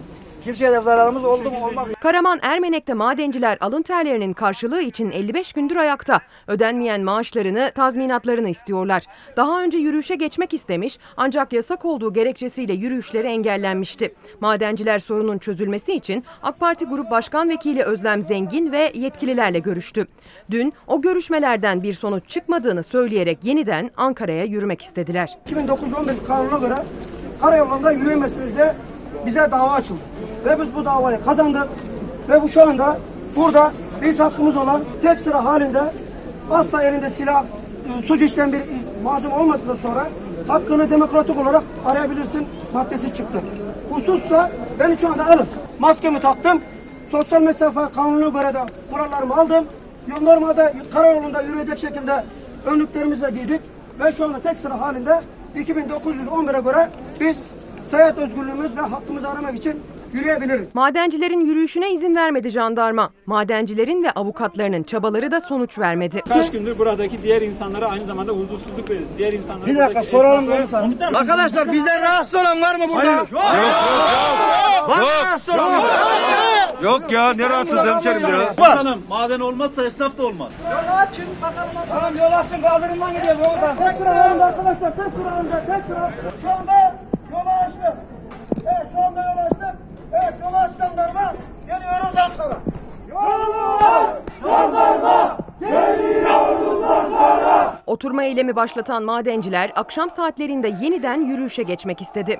Bir kez daha polisten ve jandarmadan izin alamadılar. Kanunu çerçevede istediğiniz gibi ararsınız. Biz de diyoruz ki kanunu çerçeve bitti bitti. Kanunu çerçeve bitti anlatamıyoruz. O sesi duymalıyız efendim. Babamın hakkını verin dedik. Türk İş'in kıdem tazminatı konusunda Ankara'ya hepimizin sesini duyurma bağlamında bugün önemli bir basın açıklaması olacak 81 vilayette. Oradan da yola çıkarak bugün Çalasat gazetesi yaptık. Maskem nasıl efendim? Maskemi beğendiniz mi? Maske, mesafe, hijyen. Olmazsa olmaz kurallarımız. Bugün neden maskeliyim? Tabii ki dışarıda maskeliyim ama burada her türlü önlem alınca aslında maskeli olmama gerek yok. Fakat dün konuğum varken, Serap Şimşek Yavuz hocamız varken ikimiz de maskeliydik. Bir farkındalık, bir mesaj olsun istemiştik. Bugün de ben bu mesajı biraz daha güçlü kılarak vermek istedim. Çünkü dün Serap Şimşek Yavuz hocamız buraya geldi, maskeliydi. Maskemi çıkarmasam olur mu dedi. Ne demek hocam dedim. Ben de takarım dedim. İşte o görüntü. Bunları uygulamak gerçekten zor. Hiç kolay değil. Yani bunun zor olduğunu ben çok iyi biliyorum. İnsanlar çünkü mesela bakın Avrupa'da bilmem ne artık gösteriler yapmaya başladılar. Hayır karantina istemiyoruz işte restoranları kapatamazsınız. Sıkıldı bilmem ne. insanlar. Sıkılsak da mecburuz buna yani. Bunu herkes kafasına yerleştirmesi gerekiyor. Yani şu aşamada eldeki bilgilerle hasta veya sağlam kim olursa olsun maskesiz bir araya gelemezsiniz. Aynı evde yaşadığınız insanlar dış- dışında kapalı, ka- kalabalık, yakın temasta bulunamazsınız. Evinize misafir çağırmamalısınız. Çağırıyorsanız mutlaka maskeli oturacaksınız. Birlikte yemek yiyemezsiniz. Yemek yiyecekseniz en azından biriniz maskeliyken biri yiyecek, diğeri çıkaracak. Yani aynı anda e, aynı evde yaşamadığınız insanlarla hep ikinizin de maskenizi çıkarıp birlikte yemek yemeniz söz konusu değil. Sağlam gördüğünüz insanlar da potansiyel virüs taşıyıcıdır. Hepimiz şu anda. Koku alma ya da tat olma bozukluğu varsa biri bile olması COVID olabileceğinizi düşündürüyor. Eğer ki e, bunlar varsa evde kalmalısınız, istirahat etmelisiniz. Eğer ki nefes darlığı da eklenmişse mutlaka maskeyle ya da 112 aracılığıyla hastaneye gitmelisiniz. Yani şu andaki yaklaşımımız bu şekilde. E, mümkün olduğunca hani evde çünkü en güvenli olduğumuz yer ev şu anda hepimiz için. E, ve misafir kabul edilmemeli. Etmek zorundasınız, dayanamıyorsunuz. Gerçekten psikolojik olarak çok yıprandıysanız demin saydığım kurallara uymak zorundasınız. Açık havada buluşun. Aynı anda maskelerinizi çıkarmayın. 3-4 kişiden fazla insanla buluşmayın. Aranıza mesafe koyun. Kalabalık olmayacak bir kere açık havada. Açık havada da kalabalık olmayacak. Hayır çok kalabalık olmuyor. 3-4 kişiyi aşmayın şu anda. Tamam. Ee, yakın temas varsa yani mesela balkonunuz küçükse birinizin maskesi takılıyken diğeri bir şey yiyip içebilir. O şekilde ama daha geniş bir aralık bırakabiliyorsanız diyelim ki 2 metreye varan bir aralık bırakabiliyorsanız orada kısa süreli. Yani sürekli maskeniz açık bütün geceyi o şekilde geçiremezsiniz. Gene orada da bulaşma riski var. Peki. Biz İstanbul'da, e, Ankara'da yapabildiğimiz filyasyonu umarım yapabiliriz. Şimdi bunun bir sınırı vardır. Yani siz hasta sayınız 100 iken çok daha güzel bir şekilde filyasyon yapıp temaslarınızı izole edip onları e, zor, dolayısıyla yayılımı engelleyebilirsiniz. Ama İstanbul çok büyük bir kent.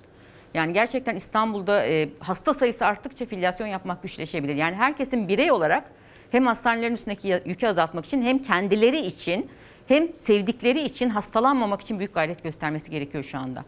E, ama hani devlet olarak da hükümet olarak da duruma göre belki daha büyük önlemlerin de alınması gerekecek bence. Kapalı ortamlarda bir kişi 100 kişiye bile bulaştırabilir. Yani kapalı o şekilde kontrolsüz ortamlarda. Yani bu söylediğimiz ortalama bir bulaşma oranıdır. 3,5-4. O zaman İstanbul'da ne olur biliyor musunuz hocam? Yani Çok kötü olur. Yani bu felaket tellallı değil. Herkes de kızıyor şimdi söyledikçe yeter artık bıktık bilmem ne ben yo, yo, biliyorum. bıkmasınlar, korksunlar Kimse biraz. bıkmayacak. Hiç bıkacak yani biz biz Sağlığımız biz, bıkmı- önemli. biz sağlıkçılar olarak bıkmıyorsak hiç kimsenin bıkmaya hakkı yok gerçekten. Çünkü en ağır yükü biz çekiyoruz. Şimdi bakın iki saattir takıyorum bunu. Ne iki saati? İki buçuk saat çalışırken sabah işte kalktım geldim. iki buçuk saatte burada saat diyelim 6'dan itibaren takıyorsam ki ne 6'sı evden çıktığımdan beri. Demek ki yaklaşık dört buçuk saattir maske takıyorum. Hiç hemen hemen hiç çıkarmadan. Sadece kahvemi içerken çayımı içerken başkaları varken çıkarmadım. Şunu anlamamız gerekiyor. Doktorlar ne yapsın efendim? Doktor 7 saat ameliyatta. Bir maske de değil, iki maske, bazen üç maske takıyorlar. Kolay mı zannediyorsunuz? Kolay değil. Böyle konuşurken de kolay değil gayet tabii. Ama bir empati, bir bir bilinç, bir farkındalık örnek olsun istedik. Ama kolay değil. Gerçekten hele konuşurken, hele çalışırken hiç de kolay değil efendim.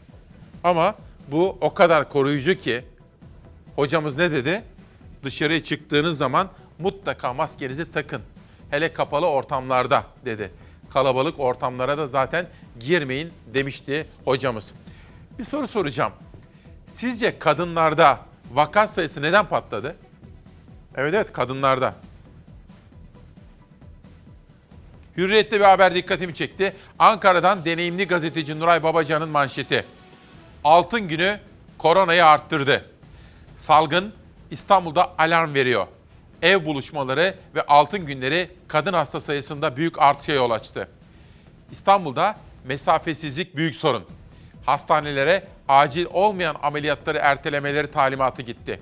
160 hastaneden Covid-19 servisi açmaları istendi. Kadın hasta sayısında gözle görülür bir artış var. Ev buluşmaları nedeniyle komşu ve akraba kadınlar arasında bu- bulaş hızı çok yüksek dedi. Bir de okul meselesi var değil mi? Okul ve ödenek meselesi. Öğretmenimize var dediler. Ondan öğretmen uzaklaştı. Uğradığı sınıfta zaten karantinaya alındı. Gelmemiş okula. Geçen hafta galiba çıktı çünkü benim oğlum gitmedi geçen hafta. Sadece dediler e, bir hafta izinlidir. Gelmesinler bu hafta. Her gün vaka görülen sınıfların karantinaya alındığı ve kimi zaman da okulların kapatıldığı bilgisini alıyoruz. Söylediler ama ne yapalım? Mecburen gönderiyoruz. Uzaktan eğitimle bir şey olmuyor ki. Yüz yüze eğitimden yana veliler de eğitimciler de ama öğrenci ya da öğretmenlerin koronavirüse yakalandığı sınıflar eve gönderiliyor. Üstelik hala iddiaya göre yeterince tedbiri yok okullarda. Aslında Milli Eğitim Bakanlığı Okulum Temiz adı altında salgına yönelik tedbirler açıklamıştı. Ama Eğitim Sen'e göre buna yetecek ödenek gönderilmiyor okullara. Açığı veliler kapatıyor. Ne kadar ödemiş? Bir 100 lira bir e, katkı payası, müzik malzemesi alındı. O gibi şeyler alındı. Bu sene de dezenfektan çok istemişler. Milli Eğitim'in bu görevi. Okul müdürleri, okul müdür yardımcılarının da yapacağı pek de bir şey yok. Okulların ihtiyaçları velilerden toplanılan ücretler üzerinden karşılanamaz.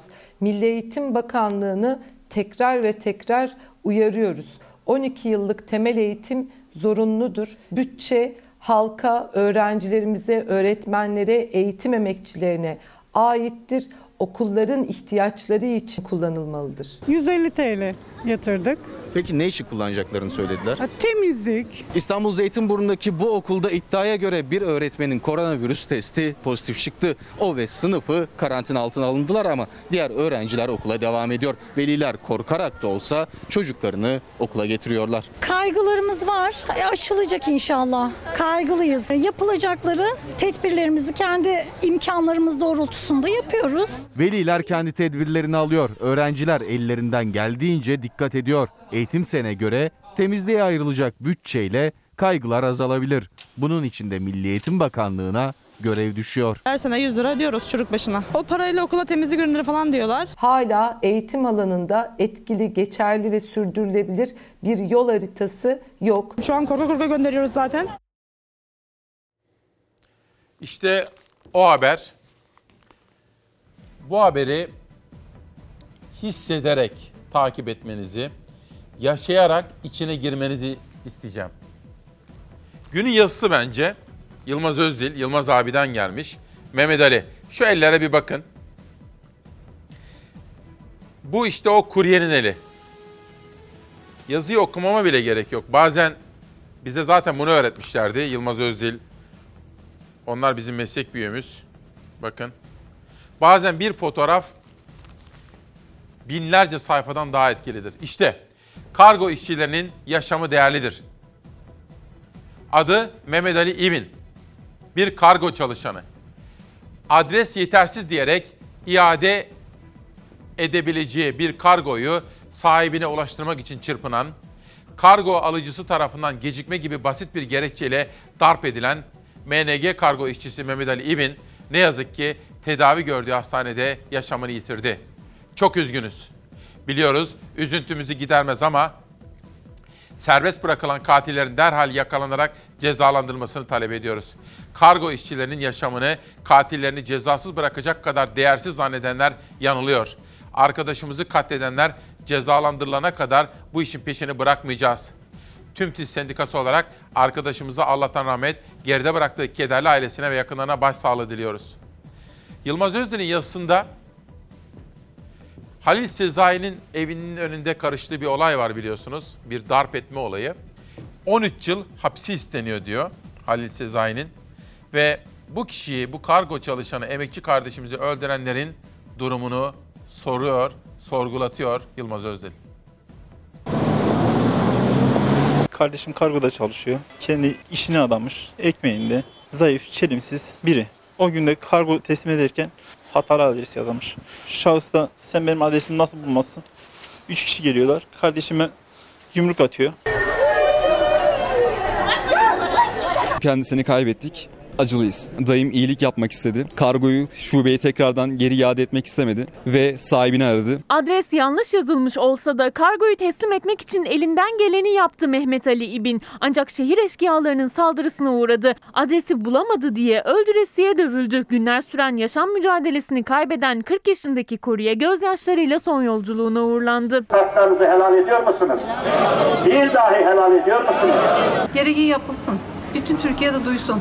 Pandemi döneminde en büyük sıkıntıyı yaşayan doktorlardan sonra kuryedi. Biz evimizde yattık, kargo kapımıza geldi. Herkes evlerindeyken canla başla çalışan kuryeler arasındaydı. İşini de çok ciddiye alıyordu Mehmet Ali İbin. İstanbul Çekmeköy'deki bir adrese kargo götürdü. Adres yanlış yazılmıştı, teslim edemedi. Alıcıyı arayıp adresi sordu. Adresi bulamamasına, kargonun geç gelmesine sinirlenen Tayfun Şe, arkadaşlarıyla birlikte kuryeyi buldu, öldüresiye dayak attılar.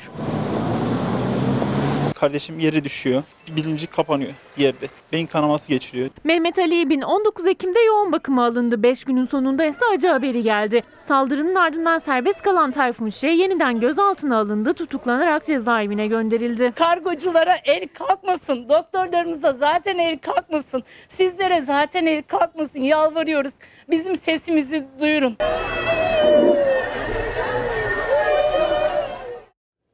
Bu arada bağımsız maden işte bizim o madencinin çocuğunun sesini duyalım, duyuralım şeklindeki paylaşımımızı etiketlemiş ve onlar da paylaşımına katkıda bulunuyorlar bağımsız maden işe. Sırada iki gündür sizlere anlattığım bir torpilin haberi var. AK Partili bir belediye başkanı Çamlıdere Ankara'da tabii ki işini şu hizmet götürmek ve beldesindeki çocukların eğitim hakkını sağlamlaştırmak o eğitim hakkının kullanılması için elinden geleni yapmak. Fakat gel gör ki torpili bulan kaçmış. Belediye başkanı bana ne canım dememiş. Neme lazım dememiş. Benim partimden dememiş. Ben olsam AK Parti'nin yöneticilerinden birisi olarak ona teşekkür ederdim. İşte biz böyle tavırlar görmek istiyoruz derdim. Günün en önemli haberidir. Savaş sen onu hazırlaya dur. Ben bir kitap tanıtımı yapayım. Bahattin Yücel, Turizm, Dün, Bugün ve Yarın imzalayarak bana göndermiş kitabını. Kendisine çok teşekkür ediyorum. Sağ olsun. Eski bakanlardan Bahattin Yücel'in yeni çıkan kitabı da burada. İşte torpil iddiasının haberi. Araştırıyoruz. Hanımefendi çok torpilli ya.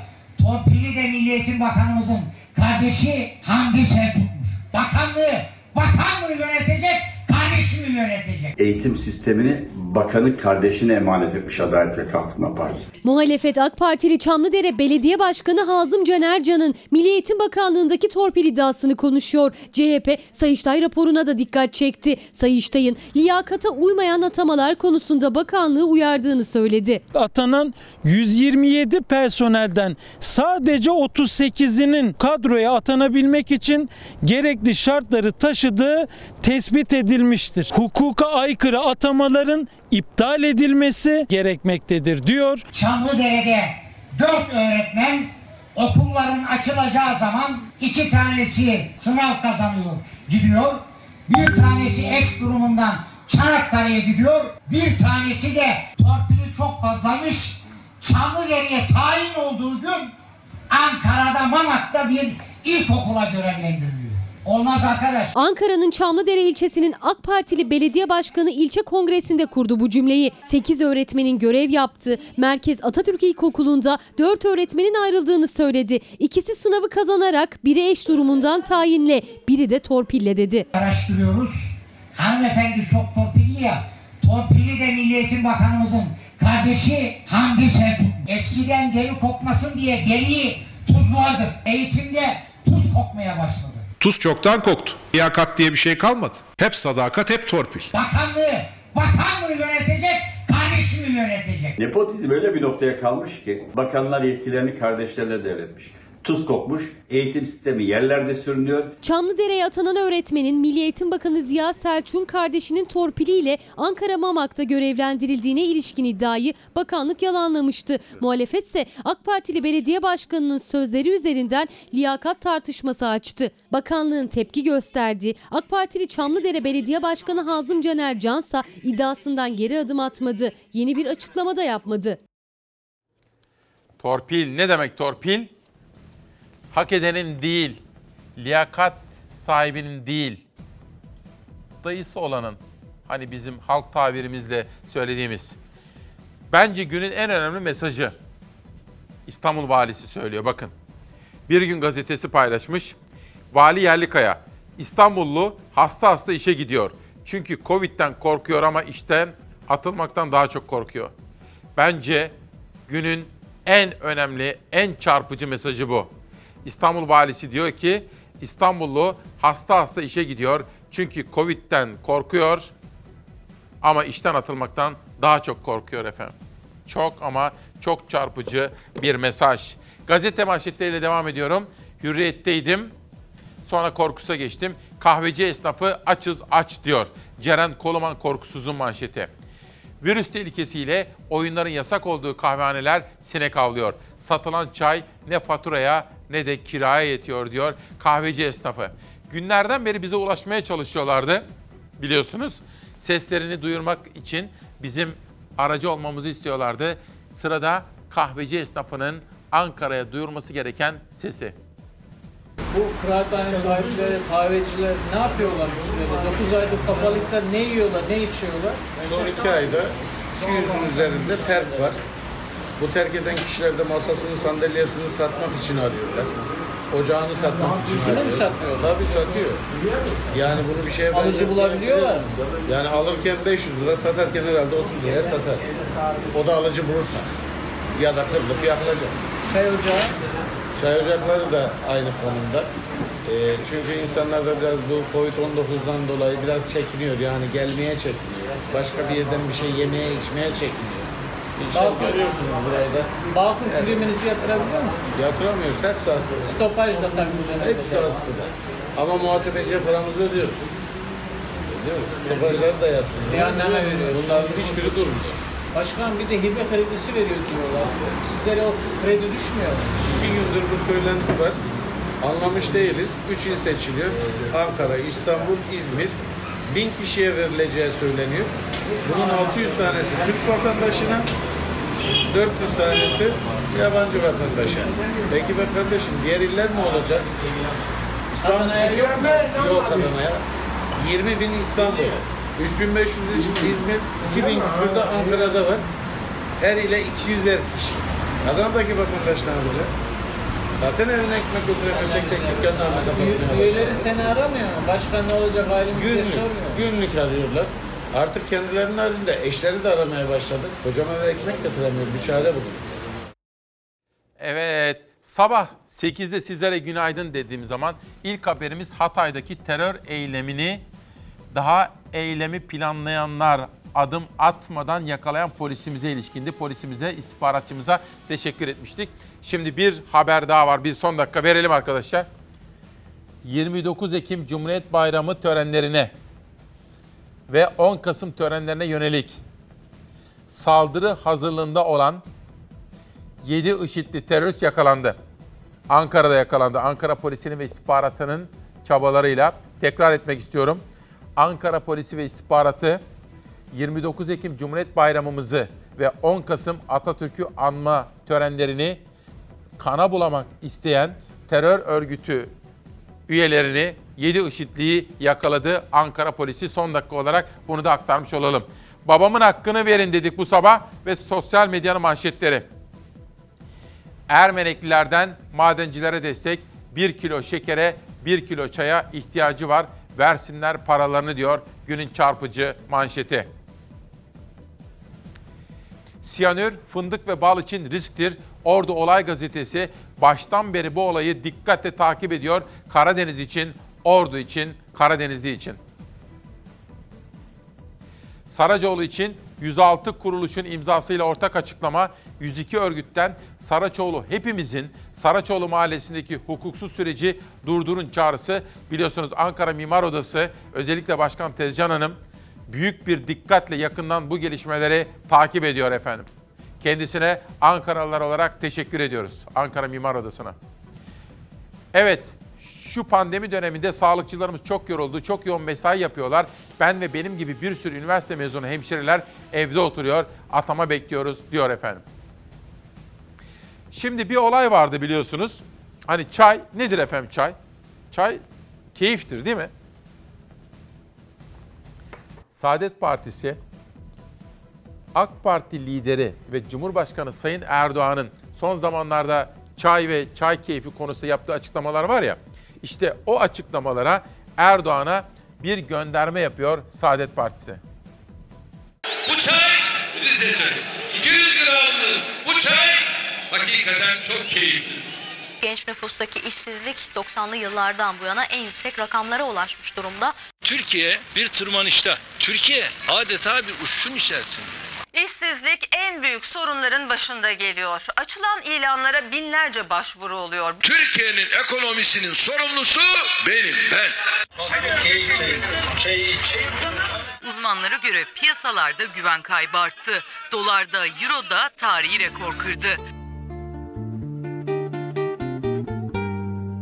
Çaycı, getir ilaç kokulu çaydan. Dakika düşelim senelik paydan. Karıştır çayını zaman erisin. Köpük köpük, duman duman erisin. Bizim sesçimiz Turgay da öyle diyor. Hak, hakikaten de Saadet Partisi'nin sosyal medya çalışanları muazzam işler çıkarıyorlar efendim. Yani çok genç ve yenilikçi bir ekip olduklarını tahmin ediyorum. Dün muazzam bir paylaşım vardı. İyi Parti'deki tartışmalar ilişkin. Bence başka bir yerde göremezsiniz bu tartışmayı. Bir tarafında Aytun Çıray. Son zamanlarda gündemdeki isim. İzmir. İyi Parti'nin milletvekili. Bir de benim arkadaşım, meslektaşım ama aynı zamanda Meral Akşener'in basın danışmanı. Murat İde. Neden arkadaşım? Murat benim çok eski tanıdığım ve beraber programlar yaptık biz onunla. Ta fi tarihinde. Bakın Aytun Çıray. Her satır üzerinde adeta birlikte çalışılmış. Zaman çok hızlı işliyor ve haklılığım ortaya çıkıyor, çıkacak. Son kurultayda makas değişikliği yapıldı. Aytun Çıray, Cumhurbaşkanı ve AK Parti lideri Erdoğan'ın İyi Parti'ye, Akşener'e gönderdiği kutlama mesajı üzerinden bir eleştiri yöneltiyor ve bir imada bulunuyor. AK Parti ile AK Parti'den bazılarıyla ortak çalışma yapıldığını. Peki buna Murat İde nasıl yanıt veriyor? Aytun Bey, büyüğümsünüz. Hürmeten sustum, sustum sustum ama birlikte çalışılmış nasıl bir laftır Allah aşkına? Bu nasıl bir hırstır ki böyle bir laf ettiriyor Allah aşkına? Allah Muhammed aşkına, Muhammed Ali aşkına. Nam salmış bu iştah nerede duracak diyor. Bence günün en çarpıcı tweet polemiği de işte buydu. Bizim dikkatle takip ettiğimiz hususlardan birisi de Haydarpaşa. Çünkü kentimizi korumamız gerekiyor değil mi efendim? Ben bu vesileyle İstanbul'u çok seven bir Türkiye Cumhuriyeti yurttaşı olarak Danıştay'a teşekkür etmek istiyorum. Çünkü Ekrem İmamoğlu söz verdi bizlere Haydarpaşa'yı koruyacağım, gözüm gibi bakacağım demişti. Yeni Çağ gazetesi bugün Danıştay'dan İmamoğlu'na ilaç gibi karar demiş. Haydarpaşa ve Sirgeci Gar alanlarının sanatsal etkinlik için kiraya verilmesiyle ilgili temiz başvurusu karar çıktı. İBB haklı, ihale iptal dedi efendim. Ama haberi izlediğiniz zaman oradaki bir takım nasıl diyeyim katakulliler, iddialar söz konusuydu. Fotoğraflar çekilmişti. Tam ihaleye katılan isimler, o isimlerle ihaleyi yapan bakanlık, fotoğraflar filan vardı. Hatırlamak ister misiniz efendim? Ama hatırlarken şunu da yapın benim gibi. İstanbul'u ve kentlerimizi seven Türkiye Cumhuriyeti yurttaşları olarak Danıştay'ımıza bir teşekkür ederim.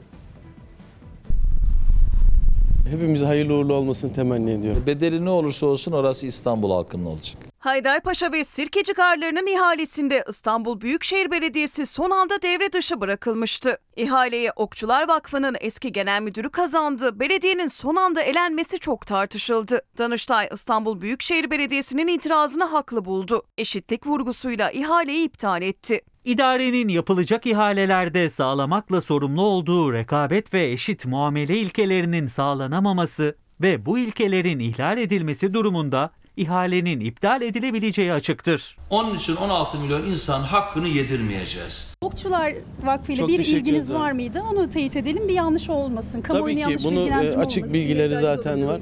Tabii olabilir. Yani bunlara bakmak lazım. Hüseyin Avni Önder eski bir İstanbul Büyükşehir Belediyesi çalışanı olmasının yanı sıra bir dönem Okçular Vakfı'nda genel müdürlüğünü yaptı. Ancak daha çok konuşulan eski Ulaştırma Bakanı Mehmet Cahit Turhan'la çekilen bu fotoğrafı oldu. Çünkü gar ihalesini açan Ulaştırma Bakanlığı'ydı. O dönem başında da Mehmet Cahit Turhan vardı. Ve gar alanlarının etkinliklerde kullanılabilmesine yönelik ihaleyi de Hüseyin Avni Önder'in şirketi kazandı. Belediye son anda iki kelimelik fark nedeniyle elendi. Müşterek ve müteselsilen yerine ortaklaşa ve birlikte.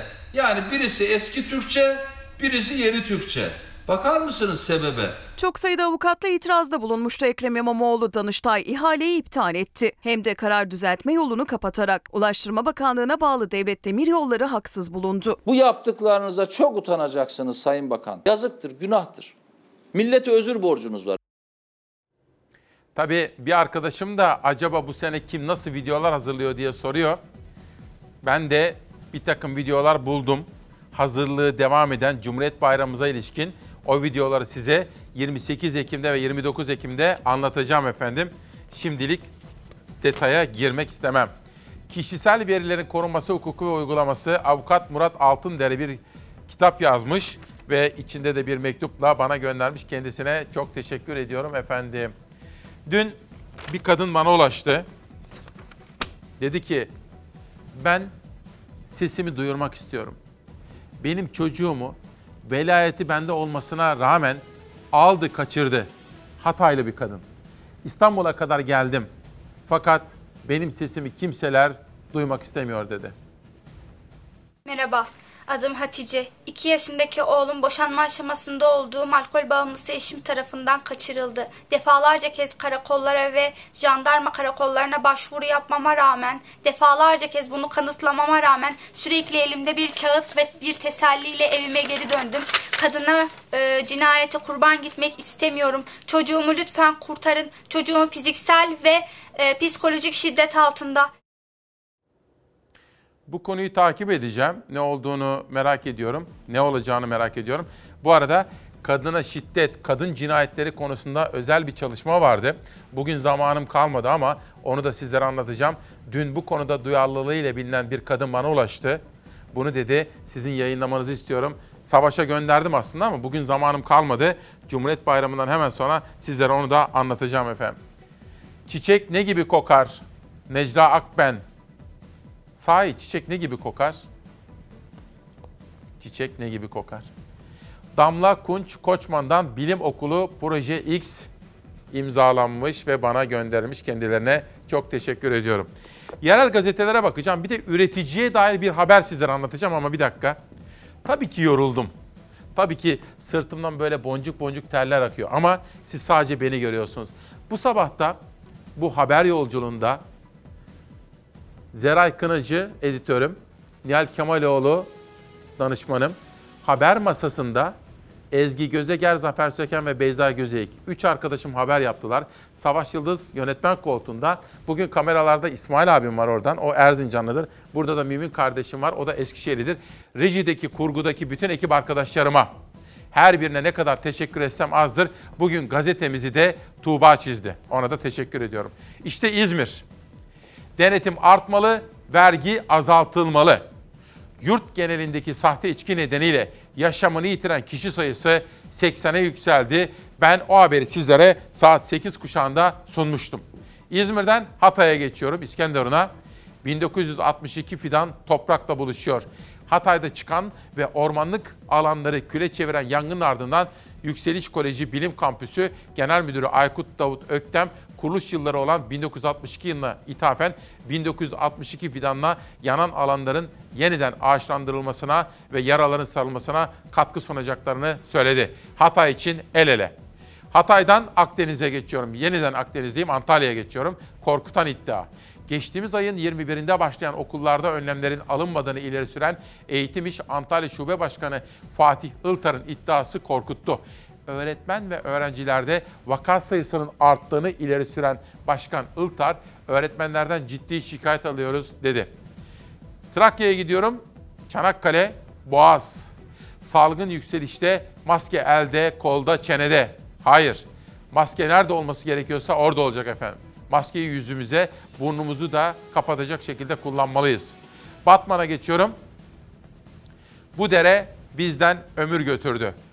Batman'ı ikiye bölen ve 9 mahallede yaklaşık 80 bin kişinin komşu olduğu İluh Deresi'ndeki atık sulardan nefes alamadıklarını belirten İluh Mahalle Muhtarı Mehmet Bars'ın sözleri birinci sayfada manşette.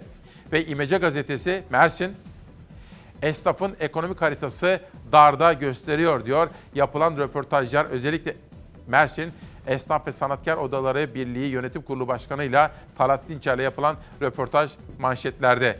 Ve pamuk üreticisiyle de ilgili haberimiz sizlerle buluşmayı bekliyor. Ulusal Pamuk Konseyi'nde yönetimindeyim. Adana Ticaret Borsası'nın da yönetim kurulu üyesiyim ve yani çiftçinin çok zor durumda olduğunu Bakan Bey'e anlattık. Efendim dedik ki Sayın Bakanım pamuğu stratejik ürün olarak bizim kabul etmemiz lazım. Türk tarımının en değerli ürünlerinden pamuktaki sorunları anlatmak için Ankara'ya Beştepe'ye çıkarma yapanlar arasındaydı. Adanalı Yasin Milli, yerli ve milli pamuk için Çukurova'da 50 yıllık pamuk işleme tesislerini yaşatan 3. kuşak. Doğduğundan beri pamuğun içinde, şimdilerde ise hayretler içinde. Beyaz altında ithalatın yükselişine şaşırıyor. Adana'ya da ithal pamuk girdi mi? Girdi. Adana'ya da girdi. Çünkü buradaki tekstil fabrikalarının çoğunda ellerindeki stokları bitirdiler. Dışarıdan ithal getirdiler. Türkiye'nin pamuğu büyük tekstil sektörüne yetmedi. Çünkü döktüğü tere değsin, yüzü gülsün diye bekleyen üretici maliyet fiyat dengesizliğinde ezilince pamuk ekmedi. 2018'de 766 bin ton, 2019'da 950 bin ton pamuk ithal edildi. Türk tekstil ve hazır giyim sektörü %56 oranında ithal pamuk kullandı. Yani ekim alanları azaldıkça ithalat kapısı çalındı, ithalata başvuruldukça ekim alanları azaldı. Pamuk kısır döngüde. Türkiye'nin 1 milyon 600 bin ton pamuğa ihtiyacı var. Öngörülen lif pamuk üretiminin 2020 yılında %40 oranında azalacağı ve 600 bin tonda kalacağı. Bu 1 milyon ton pamuğun yurt dışından gelmesi yani ithalata 2 milyar dolar ödenmesi anlamına geliyor. Biz dışarıda Yorgo'nun, Hans'ın, Papa'nın cebine biz parayı ve göndermeyelim. Kendi çiftçimizde kalsın. Geçen yıl ithal pamuğa ödenen 1,5 milyar doların %43'ünü Amerika kazandı. Çünkü Amerika pamuk ülkesi Türkiye'ye pamuk satan ülkelerin ilk sırasında. Bunlar dışarıdan getirdiğimiz soğucun ithal malların birebir aynısı. Tekstilin kullanmasına hazır hale gelmiş durumda. İthal pamuk işte bu şekilde. Balyalar halinde lif pamuk olarak geliyor Türkiye'ye. Ve dövizdeki hareketlere de bağlı olarak yurt dışından gelen lif pamuğa ödenen para Türkiye'deki lif pamuğa ödenen parayı geçiyor. Şu anda 2 lira daha ucuza alıyorlar. İthal pamuğa verilen fiyat 13 lira, Türk üreticisinden alınan fiyat 11 lira. Evet efendim. Daha fazla para veriyor. Evet daha fazla veriyor ama yerli pamuğa bu fiyatı vermiyor. Sıkıntı da burada şu anda. Yarın bilsin ki bu Çukurova'da, Türkiye'de, Güneydoğu Anadolu bölgesinde, Amik Ovası'nda ekilmesin. Yarın bu pamukları bize 2,5 dolardan aşağıya, 3 dolardan aşağıya göndermezler. O yüzden biz bu üretimi yapmak zorundayız. Evet, tarım ve üretim asla vazgeçmediğimiz haberlerden birisi. Bu arada şu dört kitabı da şöyle tanıtmak isterim efendim. Yazarlarına teşekkür ederim. Bir de benim muhabirlik günlerimden ta Serdar Turgut beni tanıştırmıştı. Hamit Turgut büyüğümün yakınıdır. Salim Taşçı abimiz Ankaralı gazetecilerin Saygı Öztürk'ün de çok sevdiği bir isimdir. Salim abi kıymetli dostum, arkadaşım, kardeşim diye yazmış bana. Ankara'ya Salim Taşçı büyüğümüze de selamlar söylüyorum. Ve az evvel birisi dedi ya bize takıntılısın kardeşim diye bak. Takıntılı falan değilim güzel kardeşim. Atamız diyor ki Nutuk'ta bakın. Heh. Dedim ki hattı müdafaa yoktur. Satı müdafaa vardır. O satı bütün vatandır. Vatanın her karış toprağı yurttaşın kanıyla ıslanmadıkça düşmana bırakılamaz. Onun için küçük büyük her birlik bulunduğu mevzilerden atılabilir. Ama küçük büyük her birlik ilk durabildiği noktada yeniden düşmana karşı cephe kurup savaşı sürdürür diyor. İşte böyle bir adamdı, böyle bir büyük liderdi Atatürk. Asla asla vazgeçmeyen büyük bir kararlılığın adıydı o. Mustafa Kemal Atatürk. Yüzüstü köpürür. Hey canım Rinnanay rinna rinnanay Kayığa da binsen götürür Hey canım hey. Benim de şu cihana gelişim. Hey canım Rinnanay, rinna rinnanay. Bir güzelden ötürü Hey canım, hey Dizüstü yelkenden Hey canım Rinnanay, rinna rinnanay Ecel geldi erkenden Hey canım, hey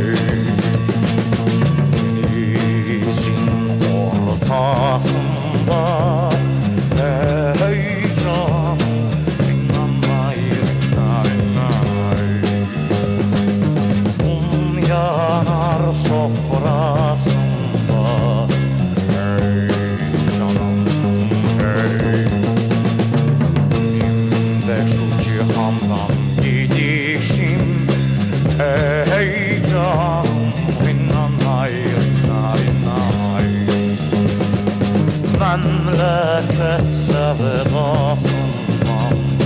Hey hey. Bu cihandan gidişim Hey canım Rinnanay, rinna rinnanay. Memleket sevdasından